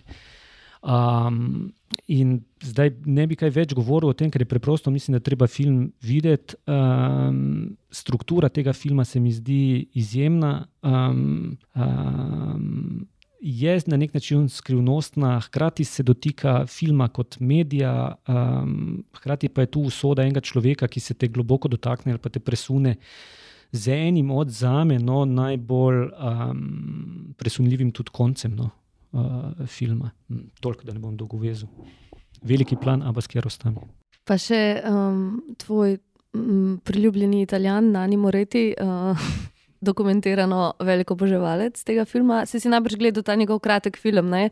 kjer on prepričuje ljudi, da gredo gledati close-up v kino. Mislim, da ima celo on ta kino ali, in se s tem motorinčkom pelje po Rimu in pripričuje ljudi, to bo zdaj v kinu, to je ful dobro, pete gledati in so vsi tako kaj. Je res in to je super, ampak mislim, da je pač uh, treba veliki plan gledati tudi onkraj Nanja. Uh, ne čudim se, da je njemu tudi uh, film zanimiv, ampak mislim, da je preprosto uh, velik film. No.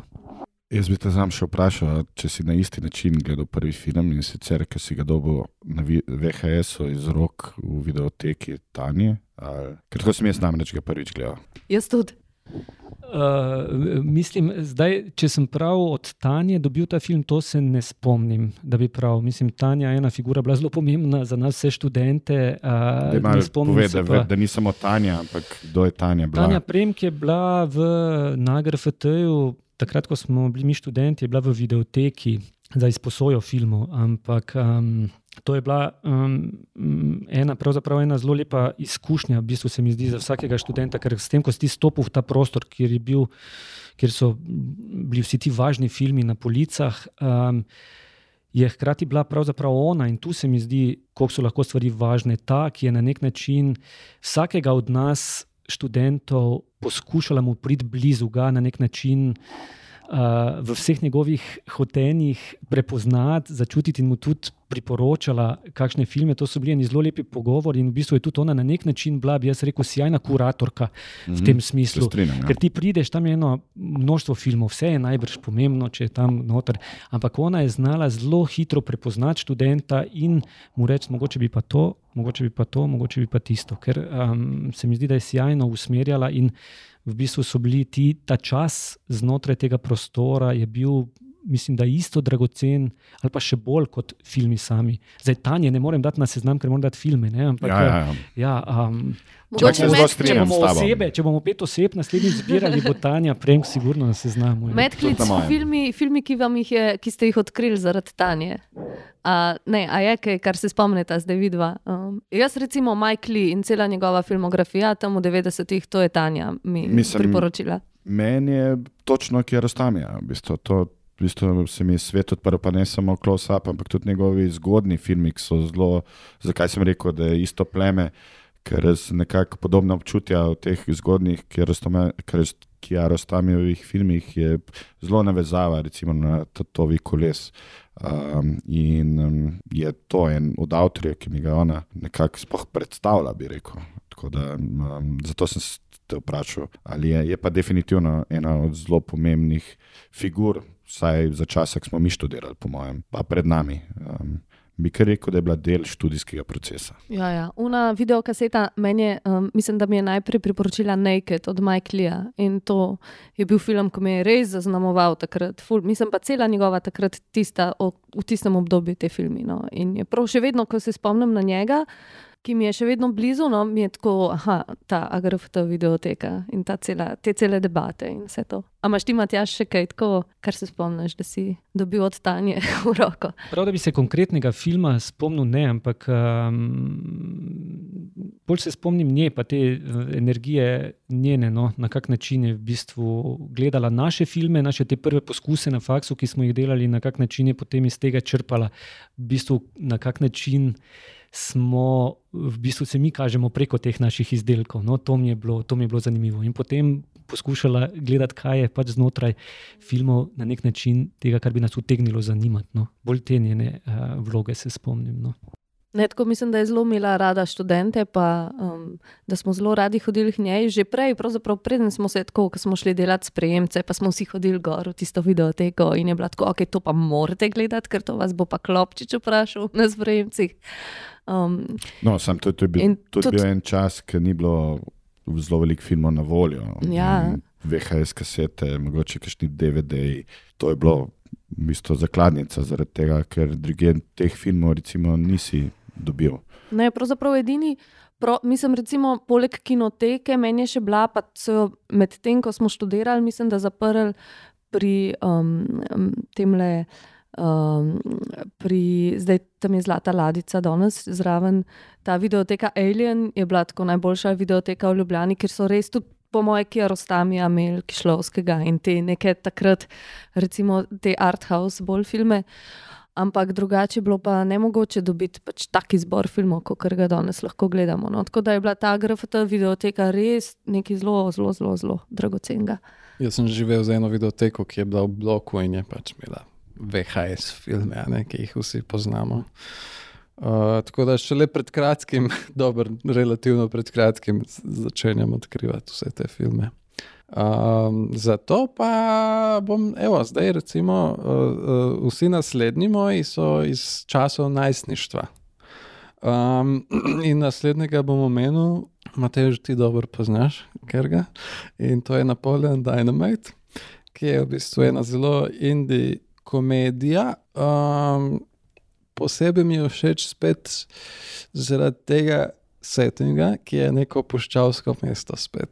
To, takoj mi to zadogaja. Um, ampak ni mi, ok, primarno pa moram povedati, da do takrat, vsaj filmi, ki sem jih jaz gledal, nisem videl filma, v katerem so heroji uh, takšni neki čudaški, ne, ne čudaški, neki introvertirani uh, ljudje.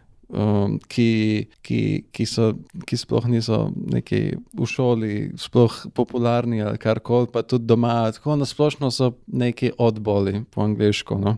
In končno sem lahko jaz doživel ta nek občutek, ko, ko, ko cel fil, ce, celo življenje gledaš neke Bruce Willise in podobno, in pa vidiš kar enega, tako Napoleon Dynamite, ki ti, ki ti odpre čist neko. Nekaj novega v življenju, in vidiš, oh, wow, takšni ljudje tudi obstajajo, ne morem verjeti, nisem edini. Um, žal, žal je še vedno tako, da so takšni filmi, kot je ta, zelo, zelo redki in se želim, da bi jih bilo več, ampak uh, lej, nekaj jih je. No. Ampak ta je tako prvi, ki sem ga takšnega doživel. Um, Jared Hess, režiser, um, ki žal od takrat ni naredil pol nič dobrega, ta se mu je nekako usral.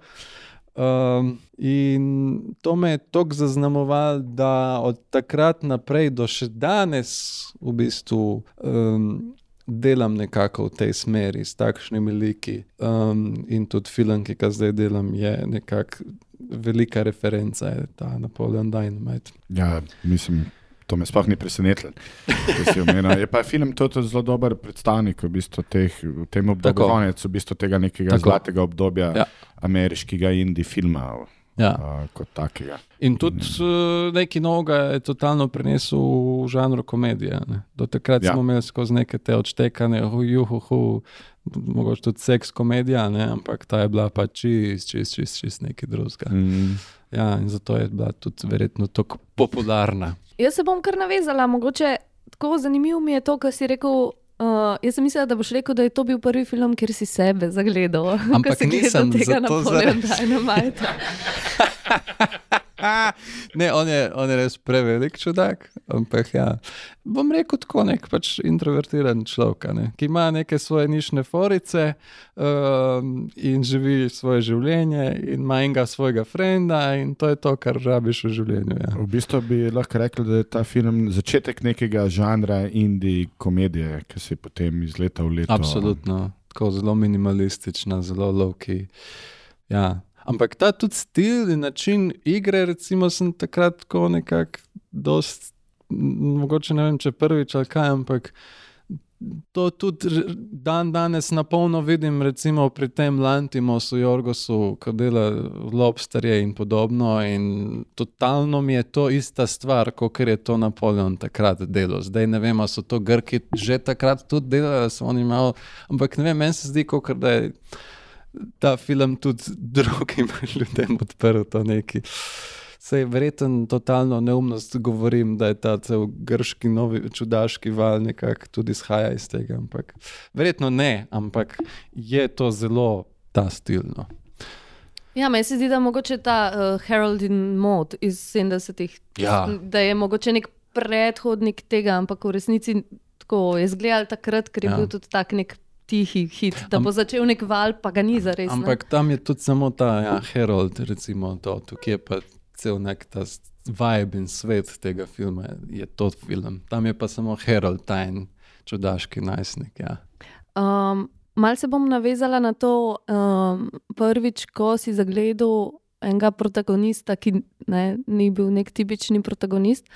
Pa bom um, skombinirala mogoče tako četrti in peti film v neko čudno dvojico iz približno podobnega obdobja, sred 90-ih. Um, in sicer prvi film, ki bi mogoče lahko jaz ga opisala na podoben način kot ti tega tvojega, je uh, Welcome to the Dollhouse, uh, režiserja Toda Solonza, kjer je glavni lik neka punca, ki, če bi jo videl, bi jo opisal, da je piflarka, ampak v bistvu ni pametna, ni niti lepa, niti ni pametna, pravzaprav ni nič posebenega. Njen starejši brat je pameten, njena mlajša sestra je luškana, ona je pa sam kar neki. In um, ta način kjer pravzaprav, kako Todd Solons v tem filmu um, je zelo iskren uh, od, od, od tem, kakšna neka občutja, pa kakšni neki impulzi se rojevajo v nekem odraščajočem človeku, ki so zelo neprijetni včasih za razmišljati o njih, pa zelo grdi za gledati ali pa poslušati.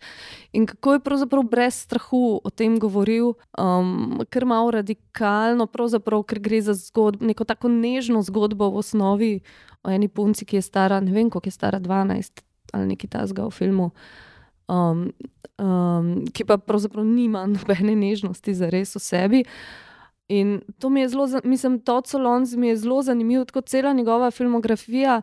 Sploh, če ga primerjam z nekaterimi avtorji ameriškimi, ki nekako usporedno z njim ustvarjajo, ali Deran Aronovski, mogoče, ki tudi so tako zelo nekako radikalni v nekem smislu, ampak kako on pravzaprav prakticira to res radikalno empatijo do, do um, ljudi, do katerih mogoče ne bi imeli glih empatije v prvih 20 minutah ali pa prvih 60 minutah filma, ampak kako uspe to ustvariti. Mislim, so v drugih njegovih filmih mogoče to še bolj radikalno, mogoče ta sreča, Uf, pa pol ta to, to nadaljevanje.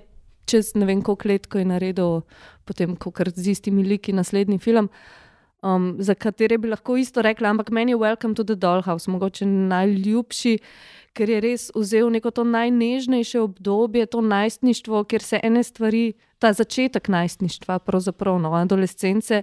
Ker se ene radikalne stvari znotraj človeka dogajajo, ker je vse tako za res, ker je vse tako malo na meji, da gre lahko na robe. Um, in, in je tako brez strahu se tega lotil. In tudi ta igralka um, se mi zdi izjemna, ki je pol tako zelo redko smo jo potem videli, no še vedno igra tudi v njegovem enem filmu. Tako, Ne, še kar nedavno, Winner Dog, uh, po dolgem času spet, uh, oziroma, čakaj, da nisem nekaj narobe rekla. V glavnem, no, v enem od teh novejših filmov se je spet pojavila uh, v, v tem filmu Winner Dog, pa kot ta, um, ki je zgodba, ki se mal navezuje um, na tega oslička Baltazarja, ja, ja. sem da je tukaj o enem jazbečarju, je ona ena od, teh, ja, ena od teh likov. Ampak dobro, nima veze. V glavnem, Welcome to the Dollhouse se mi zdi res en, en film od vseh teh. Milijonov filmov, ki se ukvarjajo s tem obdobjem, občutljivim in hkrati uh, mogoče zelo krutim um, v človekovem odraščanju, ki je na nek način mogoče najbolj iskren, ali pa ne glih najbolj iskren, ampak meni mogoče najbližji. No. Tako zelo drzen, ampak hkrati zelo nežen. Ta kombinacija se mi zdi. Um, Pred to Solonzu je res zanimivo, no? ker se mi zdi tudi v primerjavi s kakšnimi drugimi avtorji Aronovskega, sem prej omenila, ki so tudi radikalni, ampak se mi zdi, da on nikoli ne gleda zviška na te svoje like, vedno, vedno uspe najti empatijo do, do najbolj nekih. Um, Ne vem, nesimpatičnih ljudi. Um, ne vem, kako mu to uspeva, ampak to nekako zelo občudujem pri njemu. Tako da um, ga spremljam, pravzaprav še vedno. In se mi zdi, da tudi ti njegovi novejši filmi so še vedno zelo močni. No. Um, pa, pa bi mogoče dala zraven en film, ki je pa po svoje, iz istega obdobja, ampak po svoje nasprotje tega filma uh, kjer mu se pa tudi še vedno vračam, pa sem vmes nekaj časa mislila, da to je kot nek tak guilty pleasure, ampak v bistvu ni, ne? v bistvu je samo pleasure in to je film Clueless. Uh, nimaš pojma v slovenskem prevodu.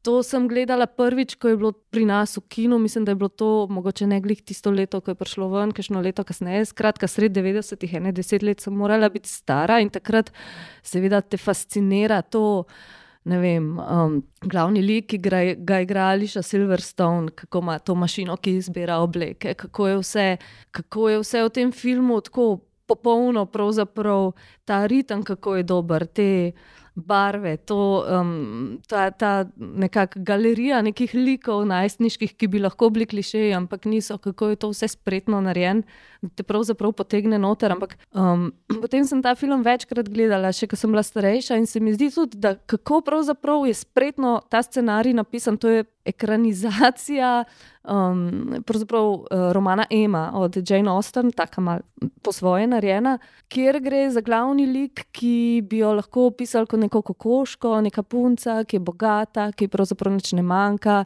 ki rada malo kontrolira ljudi okrog sebe, ki je lepa, ki je popularna, ki je pravzaprav super, ampak mečken smotana, mogoče enih stvari ne razume čist. Um, ampak kako pravzaprav spretno tukaj Amy Hackerling, ki je režiserka in scenaristka, um, kako zna skombinirati to, in to se mi zdi zelo, tako, sploh v, v filmih, uh, mislim, ali pa pri mladih ljudeh, ne samo v filmih, v resnici. Kako pravzaprav vidiš, kako smo ali pa ja, smo vsi zelo inteligentni, kadar pride do percepcije enih stvari, in zelo neumni, kadar pač moramo mogoče razmišljati o sebi ali pa, ali pa o, o neki. Ne vem, kadar pride do neke introspekcije ali pa analize, zakaj se jaz tako obnašam, zakaj imam jaz s temi stvarmi problem. In to se mi zdi v tem filmu zelo dobro narejeno. Pravzaprav, kako, kako se mi temu liku hkrati smejimo, Um, po drugi strani pa zelo izbere prave trenutke, kjer pa nam da vedeti, da gre pravzaprav za punco, ki je v redu, ki je, pač, ki je, um, ki je super punca, ne? čeprav je smotana. Um, ne vem, prav se mi zdi ta šola scenaristike. Recimo, zelo na začetku je ena, mislim, prvič, ko pogledaš, um, ko vidiš. Njo in te njene sošolce v razredu, v srednji šoli, kjer pač nam v eni sceni zelo ekonomično predstavlja teh ene deset glavnih likov. Uh, in hkrati poteka, to je, to je um, predmet v srednji šoli, debata, kot ne, nek uh, debatni krožek. In hkrati poteka debata, uh, in tema debate je, ali bi morali Združene države um, sprejeti um, ne vem, koliko beguncev iz Haitija, ker je tam bil glih nek potres ali nekaj. In kako spretno pravzaprav v tem filmu na tak nek čist humoren način, uh, ki je pravzaprav zelo smešen, pa še mislim, da Ališa Silverstone, Silverstone ni znala prav reči Haitians. In je na robe izgovorila, in so kar postili, da čist na robe ona to pove. Ampak ona v bistvu zagovarja, kako morajo Združene države sprejeti vse begunce, samo malo moramo pogruntati. Tako reče: rearrange some chairs and we can all party together ali nekaj tasga. Uh, in, in kako ta film zbere prave momente, kdaj nam sporoča, da je ona pravzaprav super punca, samo da ne razume čist, kaj se ji dogaja v, obdobju, v tem obdobju v življenju. Um, in tudi se mi zdi, kako je ta film zgrajen, in kar se tiče ritma, dialogi, kako, kako štimajo. Tako prav prešel je v teh um, 25 letih, odkar sem ga gledala prvič iz filma, ki mi je res en tak guilty pleasure, tako, če imaš virozo, pa si doma na kauču, pa si nekaj zavrtiš. Do tega, da to res občudujem kot film, ki je res izpopolnil to formo, um, to, kar si Luka prej omenil, te neke najstniške komedije, ki jih je bilo res milijon, ampak ker je mislim, da to res prešlo v res to nekaj najboljš, kar je ta žanr takrat, ki je bil na vrhuncu nam ponudil. In, um, tako da, ja, klules, uh, ne vem, film, v katerem se še kar vračam, pa ko mi čakam, da ga hčeri pokažem.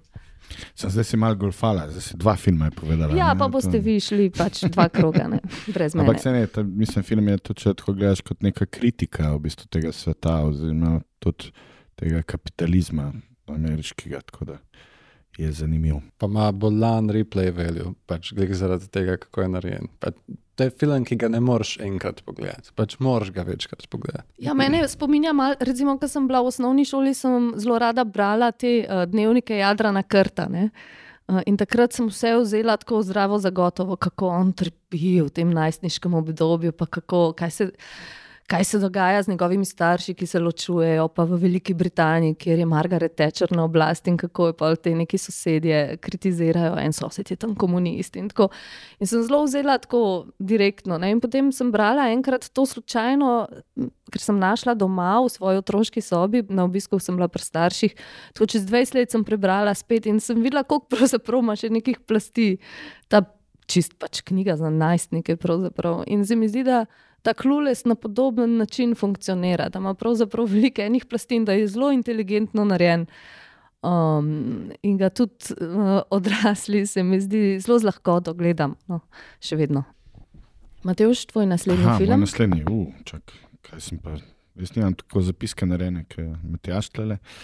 Uh, ampak uh, bom šel pa na en film, ki mislim, da večina ljudi misli, da je črno-bel, pa je v bistvu barven. Uh, in je zadnji film, ki ga je Miloš Forman naredil na češkem, kot češki film, sicer se je vrnil tja še za Madeusen, ki je snemal uh, v Pragi Dunaj, ampak film, kjer pa govorim, je pa Gori, gospodična Gori. Ima paniko, oziroma angliško Fireman's Ball. In je film, ki sem ga prvič gledal na nek način, mi je, me je nagovarjal s tem, s to tradicijo, ki jo očitno tudi Češka ima. Tako sem takrat jaz to dojemal. Um, in sicer to v centru so postavljeni gasilci ob njihovem prazniku in kako v bistvu to, ta njihova slavje poteka. Ne bi šel preveč v detalje, ampak film je nekako, ki sem ga gledal, v bistvu mi je bil zelo blizu, takoj potem pa sem začel malo bolj raziskovati uh, globje v tem filmu, tudi um, da malo kombinira.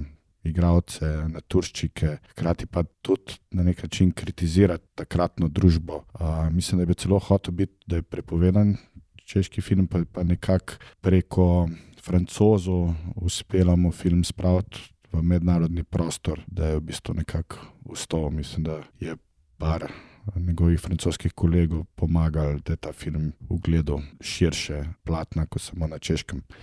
Um, je pa, ja, kot sem rekel, vsi mislijo, da je črno-beli, ampak je barven film, je mogoče en zadnjih teh predstavnikov češkega novega vala. Um, in bi lahko rekel, da je tudi slovenski film na nek način. Tako da bi ga vsem priporočil. Tudi, uh, jaz sem na zadnje gledal novo kopijo, ki so jo restaurirali na Blu-rayu, če se ne motim. In je, uh, mislim, na Blu-rayu ga dobite um, in je čudovite barve. Mislim, da je celo ne vem, v kakšni tehniki posnet, ampak um, zelo, zelo um, tudi fajn narejen film. No. Tako da priporočam.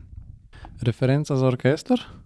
Ja, lahko bi rekel, da je ena od referenc bila. Uh, mogoče ne zavedna na začetku, ampak uh, nekako sem tudi črpal malo tukaj ven. Uh, Seveda se vedno, ko pa nekaj napišeš, v bistvu se vračaš malo k tašnim filmom. In Ja, vse, tako, ko poslušam VSS, pa ko poznam vaše filme, se mi zdi, da vsak od nas, ki je, je zbere neke filme, da to se nekako odraža tudi v naših filmih. Predvsem ja. Matjažo v roki štiri, jaz ga čist vidim. V Playing Manu čist, tudi na njej vidim v Playing Manu. Tako No, ni na polno playing ja. man. Ampak tudi roki štiri. Ne? Mislim, Playing Man je sigurno kombinacija Rokija in eh, Nanja. Ja, tako, se tako. strinjam. Ni samo Nani, mislim, da Roki igra važno vlogo.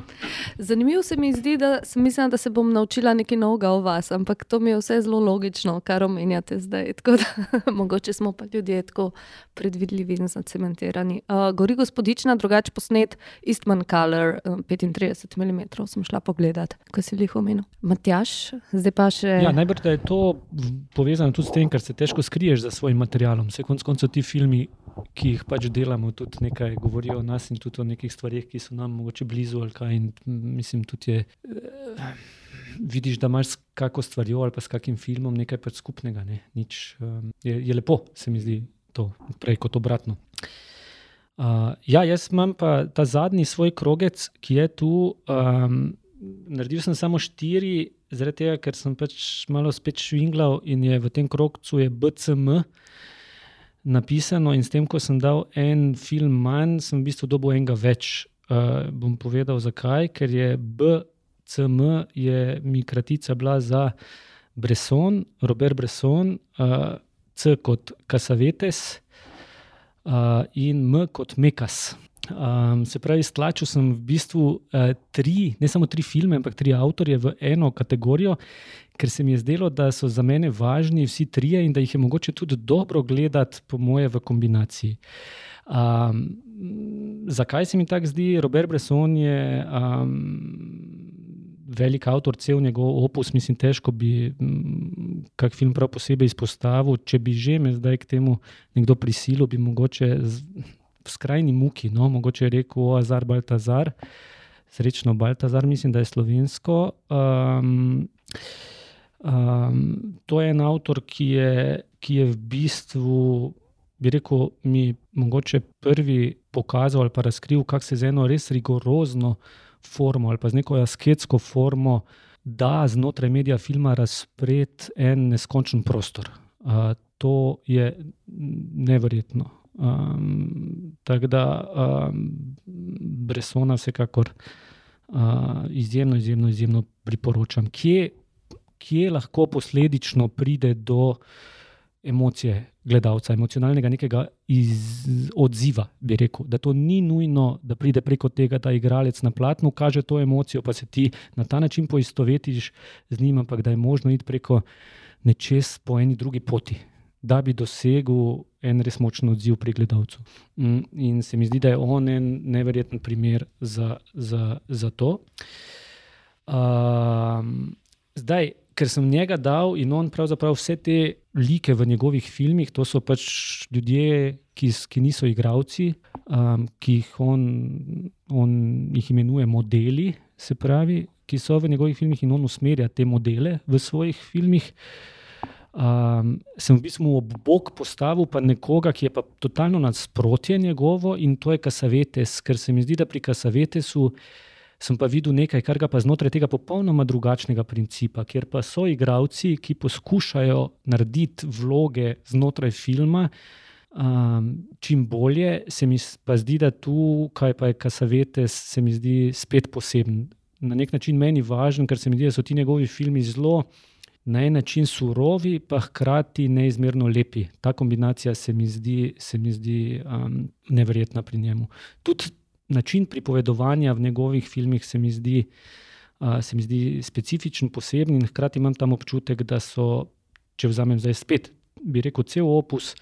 Ampak, če en film spet izvzamem, bi rekel Woman Under the Influence, uh, mislim, da ta Jenna Rollins in ta Peter uh, Falk. Um, to, to je, je neverjetno. Um, oba um, Meni je bilo najlepše pri tem filmu videti tudi tega Petra Falka, ki smo ga takrat v Mariboru gledali v tej seriji Kolumbo. Mi smo se vedno rekli Kolumbo. Ne samo v Mariboru, uh, ja. posod je bil Kolumbo. Ja. Tu noter ga gledam in je, uh, se me neverjetno dotakne. Ja. Ona tudi izjemna, se pravi, če gledam na eni strani. Bresonove modele, bi rekel, kasavete so vi igravci, uh, na drugi strani tako se mi zdi, da en tak film, se mi zdi, kot da mora imeti eno veliko srce. No? Tak, uh -huh. um, spet po eni drugi poti pride do, do nekih podobnih efektov, ki jih ima film nami, no, kot gledalca. Ne. Tretji je pa Mekas, Jonas Mekas je pa izjemen avtor, to je pa spet čisto druga panoga, to je pa en avtor, ki je pravzaprav, ki vzame kamero in snema stvari okoli, ki se dogajajo okoli njega, njegove prijatelje, njegovo okolje. In tu je pa ena sama po sebi svoboda v načinu delanja filmov. Se pravi, to ni film, ki bi ga ti zdaj pisal scenarij za njega, pa študiral za mizo, pa se toliko po glavi, pa prijavljal na center. To je preprosto vzeti v njegovem primeru to 16 mm boleks ali pa v našem primeru zdaj video kamero, fotoaparat, karkoli. In pravzaprav iti in opazovati to življenje, ki te obkroža, in pravzaprav živeti film uh, na tak neposreden način. In je Jonas Mekas za me en izmed največjih filmarjev vseh časov. No. Mislim, vzamete katerikoli uh, njegov, njegov film, način, na katerega misli stvari, ali pa jih v bistvu ne misli, jih pravzaprav kaže preko filma. No. Um, je, zato sem dal te tri skupaj. No. Um, Bresson, Kasavete, Smekas. Mislim, so izjemni. Ja, pa, mislim, Mekas je res pred kratkim umrl, če se ne motim, mogoče lani. Tako zelo bil je star sto let, po moje, skoraj. Uh, in so bile neke retrospektive njegove, tako da sem jaz tudi Pravzaprav vedno mi je bilo znano ime, pa nikoli nisem zares, pa sem pred kratkim šele malo odkrila tega opusa. Mislim, da je tudi Mobi imel uh, precej teh njegovih filmov. In je zanimivo, kako pravzaprav prav vidiš nek, ta nek milje, neke te umetniške scene v New Yorku, tudi nek portret enega časa pa prostora, se mi zdi, da se zelo dobro izriše v teh njegovih filmih, ki so, mislim, poleg tega nekako pripoveduje pravzaprav to o svojem življenju skoraj. No? Ampak kako piše tako čisto eno vem, eno, eno sceno. Enkrat se mi zdi, da je tudi zaradi tega tako dragocen. Ja, zdaj, tako na hitro bi rekel, če si izbral nekoga, ki je imel modele, drug, ki je imel igralce, tretji pa, ki jih ni imel. Ki je imel frende. ja, ja, mislim, da je Meka sprav, je, je važen avtor zaradi tega, da se da pravzaprav delati. Filme um, tudi na ta način, da ni izven vseh okvirjev, ki so ali pa ki si jih človek, ki si jih na nek način uh, pridobi vmes, da pač morajo biti taki. Tu se vse postavi na glavo in si mm. rečeš, ni nujno, da je dober filmar zato, ker je mm, šel skozi. Eh, Kjerkoli razpis, razpis delavnice, kakorkoli, je nek direkten odziv na stvari, ki so pred, pred mano, mm. pred, pred, pred filmarjem, pred Mekasom, ki ga obkrožajo. Direkten odziv, kamera je njegov pogled, ampak tudi znotraj tega, to ne pomeni, da vsak, ki bo snimal, pa beležil stvari, bo zdaj sjajen filmar. Ne? Še vedno mm. treba biti um, sjajen filmar in tu se ločijo stvari. Uh, in meka smisel, da to vsekakor je. Ampak ta svoboda v pristopu, v na nek način eksperimentiranju, pa avangardi. Pa, Ne, mhm. način, ampak, vse, vse film, ampak vse je to isti film, ja, vse je to film. Ja. Vse je to film.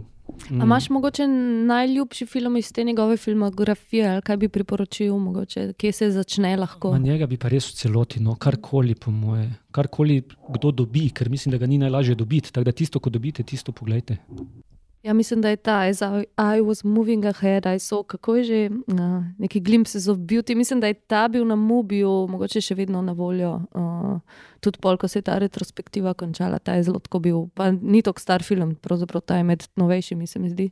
Ja, to so lepe stvari tega, ker je hkrati dokument, hkrati pa presega to stvar. In ti pogledaš cel film in pravzaprav tu, tu pa ni res nobenih stvari v tem smislu nekega, um, da bi mogle biti stvari same po sebi dramatične ali pa da bi mogli te čakati kaj, kakšen obrat. Tu je preprosto pred tabo imaš občutek, da gledaš eno življenje, ki na koncu, ko ti pogledaš cel, cel film, se mi zdi, da, da, da ga na nek način odneseš s sabo. No? Je to ena neverjetna izkušnja, po moje, tako neposredno biti v, v stiku.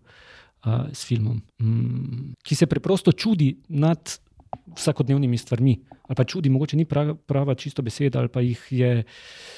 je um, mogoče jih izpostavi, od... drug pogled vrže na njih. Ja, je pa njegov pogled. Ne morem sam sebe izuzeti iz teh stvari in je to tudi del filma. Uh, ampak je eno, m, bi rekel, ena radost, no, po moje, mogoče. Ne vem, če je čisto točna beseda. No, um. Ja, pa film in življenje, pravzaprav kot nekaj, kar sploh ne moreš reči. Zdaj delam filme, zdaj pa imam ne, pri njemu se mi zdi, da je to vse v enem. Vse se to prepleta, ja. no? eno z drugim gre.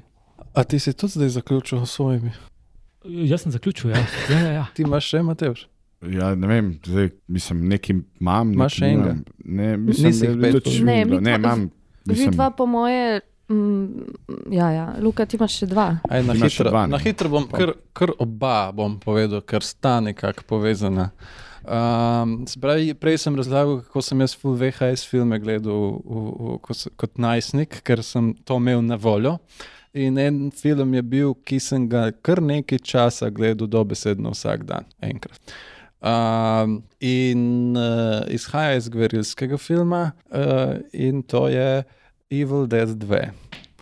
Uh, Sam Raimi, zelo kulten film, velja za enega tudi boljših. Evil Dead je pač grozljivka, enka namreč. In to je gverilski film Sema Remija, ki je uporabil svoje prijatelje in poznanstvo, da je naredil ta film. In poledu budžet za dvojko, in dvojka je v resnici enka, ki se zgodi v prvih petih minutah, pol pa gre naprej. Uh, v bistvu je dvojka to, kar je zares hotel narediti in ker se je izpopolnil in ker je pokazal svoj pravi jaz. In uh, medtem ko je enka, ena klasična 80s grozljivka, ne tako dobra za res, je dvojka um, grozljivka komedija, uh, ki je noro, noro, noro, noro um, kreativna. do te mere, da bi jaz z lahkoto ta film kazal v filmskih šolah. Verjamem tudi, da ga kje kažejo, ker, um, ker si tako noro privošči um, delo s kamero, da je to vsak kader ima neko kreativno rešitev, ki ga naredi. Uh, in kamera, ne, se pravi, uh, brez računalniških efektov, ampak je vse tako.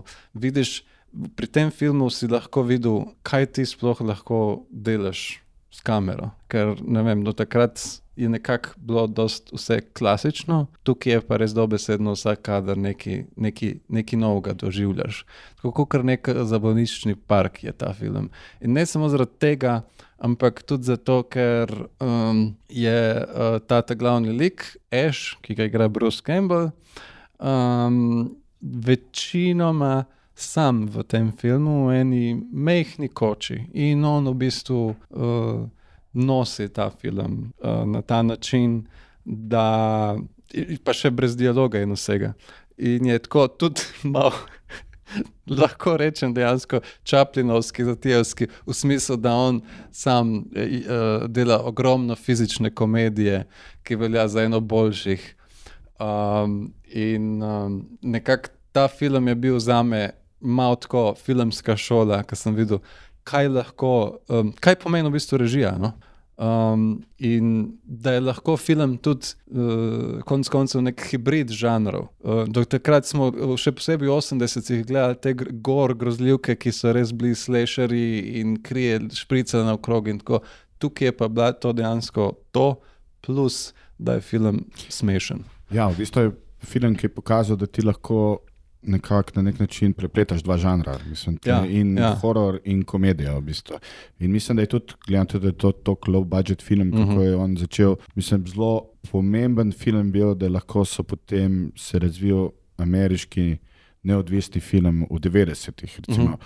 Težko si predstavljam, če ne bi sam Raimi naredil Evil Dead 2. Uh -huh. Uh -huh da bi potem El Mariachi nastal na nek način. Mm -hmm, absolutno. Uh, mislim, da je to nek bo, da je nekdo naredil film, ki je pokazal vsem, ki si želijo delati filme, nimajo pa pogojev, nimajo denarja, mm -hmm. kako narediti v bistvu svoj prvi film. In iz tega je potem, mislim, da ta generacija in Rodriguez, Tarantina in na vse zadnje uh, tudi uh, tega, ki je Clark se posnel. Uh, Kevin Smith. Kevin mm -hmm. Smitha, v bistvu je tle nekako potem šla, ker vsi oni imajo tudi film, ta film, nekako mm. je v tem železnem repertoarju filmov, o katerih govorijo. Mislim, da um, tako sem jaz, recimo, prišel do tega filma, ki prej nisem vedel. Mm. Nisem ga v, nisem, v Zagorju ni bilo take videoteke, ki bi ta film imel, ker se je nekako pri uh, Rambotu vse ostalo. Ampak. Um, je pa res, da, da je zelo vpliven film bil. Na nek način, kot si ti prej, ki se veš, so govorili, ki je tudi bil vpliven na filmarje. 70-ih let, uh, se mi zdi, da vse to se nekako vedno navezuje, filmi predtem, ki so nastali. No, definitivno. In mislim, da je Sam Raimi res vrhunski režiser. In, in dan danes, če gledaš kjerkoli njegov film, celo žal, žal Marvel film, uh, je, je totalno prepoznaven ta njegov stil. Uh, ja, ampak se tudi, če gledamo ne, delo Spider-mana, recimo meni Spider-Man 2 tako, je, je tako. v bistvu zelo velik Evil Dead, dvojka ja. tudi nos noter, v smislu ja. v tem nekem občutju komediji ja. in uh, recimo mi je še vedno Spider-Man 2 in boljših teh superhero filmov. To tudi velja za najboljši superhero film, ja. E, želim si pa, da bi delo še kak originalen film, ker vse en je to nekako bolj zabavno, vedno za gledati. Uh, pa bi pa ostal pri Gverili in v bistvu grozljivki. Um, ne bom rekel, seveda, da mi je en najboljših filmov, ampak kot sem rekel, je zelo, zelo, zelo vplival na me, je to The Blair Witch Project uh, leta 1999. Um, ki je pa spet, se pravi, nek uh, film, ki je prinesel nekaj totalno novega v svet. Um, se pravi, found footage žanr, ki pa ni bil to, seveda, prvi tak film. Mislim, da je prvi bil, um, ali pa da je bolj da je znan. Prvi tak je bil Cannibal Holocaust, ki je bil pač zaradi tega tudi tako realističen, da je režiser mogel iti na sodišče dokazovati, da je to samo film. Je to Blair Witch Polnar, je došele 99 leta. Um, se pravi, jaz, ko sem bil najstnik in ko sem se zelo zanimal za film, in uh, ni bilo opreme, da bi karkoli lahko delal, je kar nekdo prišel v, v, v kina z nekim filmom, ki je bil posnet na neko, ne vem, ker kamerca je bila, ampak neka, ki, ki si jo lahko pač sam dubu in z njo delu, in, in s tem spremenil nekako filmsko industrijo, dobesedno. Um, in, in ta žanr od takrat do dan danes še vedno stoji in še vedno delajo takšne filme uh, v, tem, v tem, se pravi, te, ta nek handheld. Ni nujno, da je nek footage, ki je najden, ampak uh, nekako prvo osebni.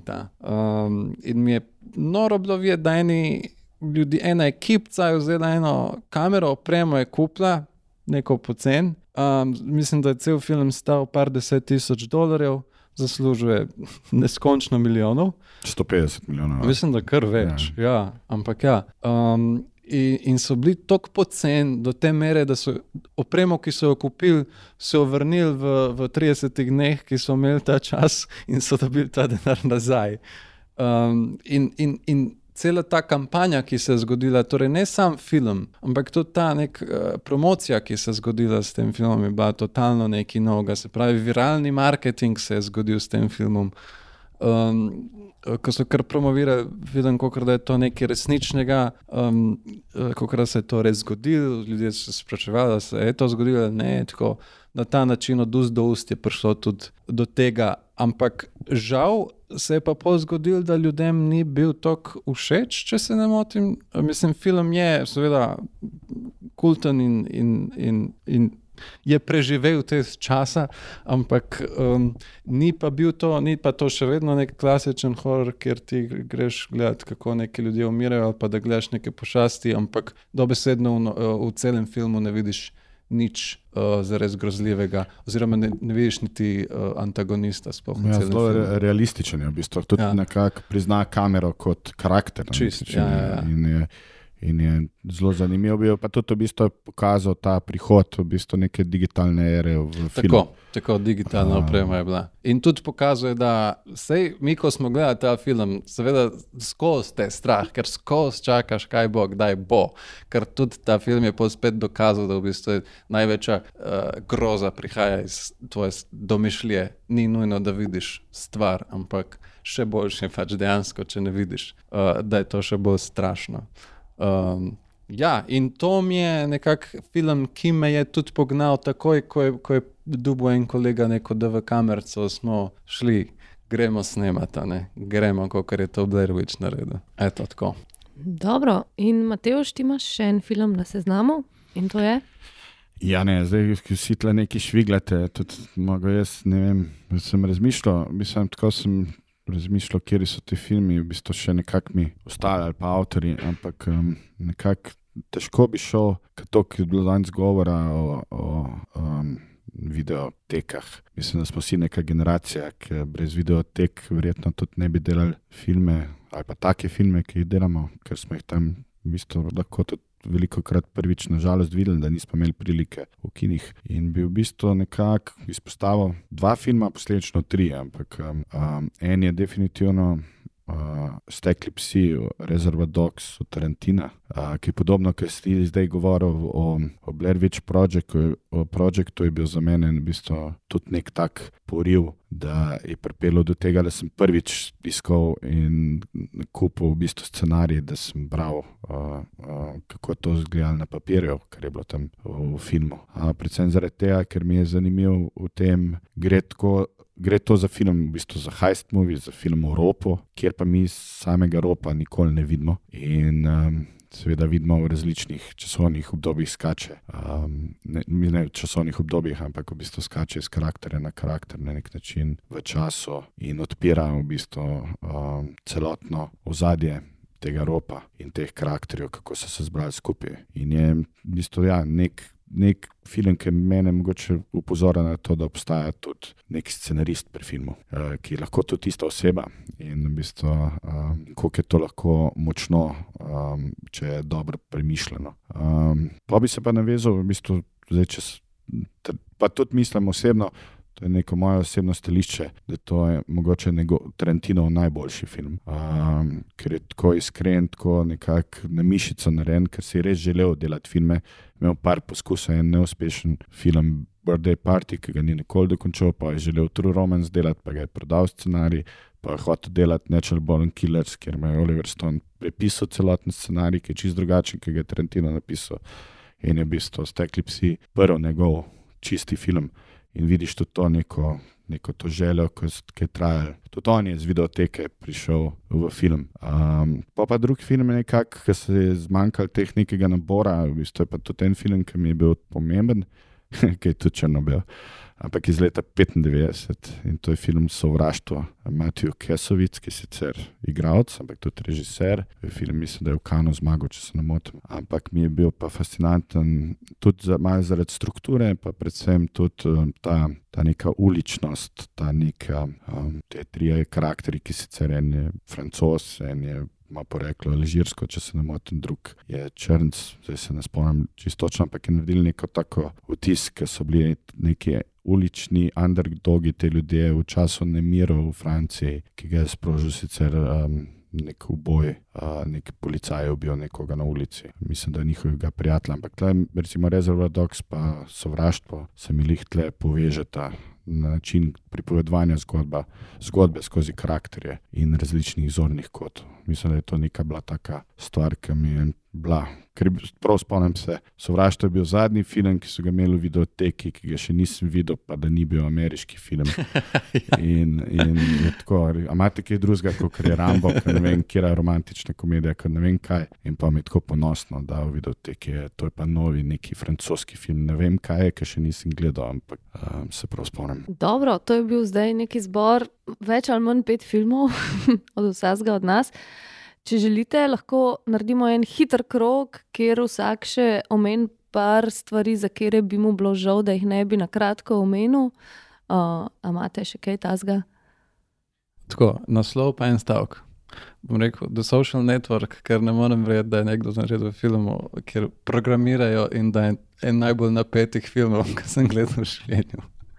Fincher je pač tako, meni vrhunski in to pač zna. Uh, to je to? Uh, zdaj imate už. Ne, kar pa je, če se okay. seznam. Uh, Spirited Away, uh, Miyazaki, uh, Ghibli studio, uh, se pravi Alice in Wonderland, sem full boljš. To mi je najbolj kreativnih filmov, kar sem gledal v življenju in še vedno to drži. In, ja. Mateoš, imaš ti še? O, to bi lahko še bili, ampak to težko je bilo že teh pet na bratu, v bistvu, o tem govoriti. Ampak bi pa rekel malo drugače, pa to, uh, kar je Matjaš govoril, kar se veste, so, je še nek režiser, ki je moče pozabljen, ampak njegove filme poznate. Pa, kar si ti zdaj social network omenil, bi jaz omenil Sidney Lumeja in uh, network njegov, ki govori v bistvu, o televizijski hiši in dogajanju znotraj, ki je, ki je film, ki je na nek način neverjetno aktualen posnet v 70-ih, ampak danes mi živimo ta svet. In um, neverjetno, kako je tudi scenarij, ki ga je napisal Pedičejevski. Uh, Ki je čez by the way, Aaron Sorkin, fan njegov in se pozna ta nevezava, social network, pa network. Uh, bi pa priporočil vse njegove filme, od 12 Angry Men do Dog Day Afternoon. In sem bil izjemen režiser, izjemen občutkom za igralca. Se mi zdi, vedno se govori o teh 70-ih, o Scorsesiju, o Kopoli, o De Palmi. Vedno se pa njega pozablja, ki je v bistvu svoj prvi film naredil v študijskem uh, sistemu, 12 Angry Men, do potem v bistvu s kariero do poznih 90-ih let, če se ne motim. Uh, tako da. V bistvu res so sami legendarni filmi. Samo legendarni ja. filmi. Ja. Uh, Matjaš, imaš še ti kakšen tak goljufivi, hitri seznam? Uh, nimam, jaz mislim, da je ta seznam mm, čist dovolj, ko sem ga uh, povedal. Pač povezan je z nekom s tremi. Ritek je 30 filmov bilo v resnici. jaz sem bil cele opuse dajal, niti nisem posameznih filmov, tako da mislim, da sem jih kar nekaj naštel. Je, mislim, meni se zdi važno za na konc. Uh, Kaj pa vem, no? tak, ko sem razmišljal o tem, se mi je zdelo, da najboljši filmi niso vedno najboljši filmi. No? To. to je kar lepo povedano. Uh, ja. um, Jaz, tako moj goljufivi seznam, še vsebuje filme od avtorjev, ki so vedno na seznamih teh najljubših filmov, ampak meni so te njihovi filmi najslabši, to recimo Vrtoglavica, Hitchcockova mi je brez veze. Uh, obožujem pa ptiče, pa recimo Kleo od petih do sedmih, od Anje Varda mi je njen najslabši film, um, pa mogoče sreča ali pa brez strehe in zakona, sta mi pa tam na vrhu. Uh, mogoče na hitro Girlfriends od Claudije Weil, film iz 70-ih, ki sem ga pred kratkim prvič gledala in ne razumem, zakaj ni klasika. Um, pa še, ko smo se pogovarjali o Mekasu, um, pa sem nekako ugotovila, da obožujem, mislim, da zelo te avtori, ki znajo s filmom in s časom operirati, da so mi tudi uh, meni zelo blizu.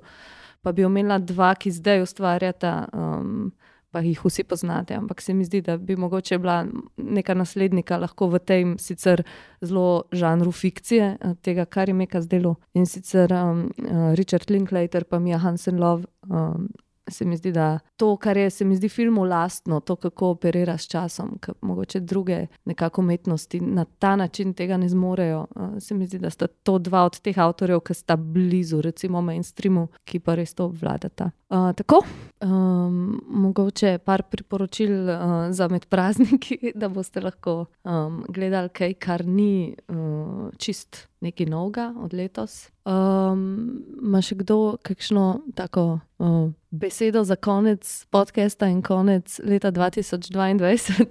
Glejte filme. Ja. Gledajte filme. Ja. In ne se bati uh, gledati filmov, od katerih ne veste nič, in ne se bati gledati filmov, ki na IMDB imajo sla, slabe ocene. To še nič ne pomeni, v bistvu. Točno to. Ja. Ker, ker vidim, da ljudje res, res gledajo kar striktno na to, ja, kar je slabo. Včasih so najboljši tisti, ki jih ljudje ali obožujejo ali pa sovražijo, ko ni teh umestnih. okay. Ampak ni ne, nekaj lepo, v bistvu, ko odkriješ nek film, v bistvu, ki ga prvič gledaš, ki ti ga ni nihče priporočil in slučajno naletiš na njega in rečeš wow. No, v želji na čim več takih izkušenj um, želimo lepe praznike, uh, pa se slišimo naslednje leto. Uh, in hvala, Matjaš, Mateoš in Luka, za te vaše uh, osebne sezname. Naj, mogoče ne vem, najboljših, najljubših. Sploh ne vem, če je treba In- tukaj nek pridevnik, ampak neke sezname vaših filmov. Evo. In raznolikih. Ja, raznoliki so pa bili. Ja. Adijo. Čau, čau. Poslušali ste podcast Filmarija, ki ga izdaja Društvo slovenskih režiserjev s podporo Slovenskega filmskega centra Javne agencije Republike Slovenije. Producentka Zala Opara, tehnična izvedba Luka Marčetič. Hvala za posluh in do naslednjič.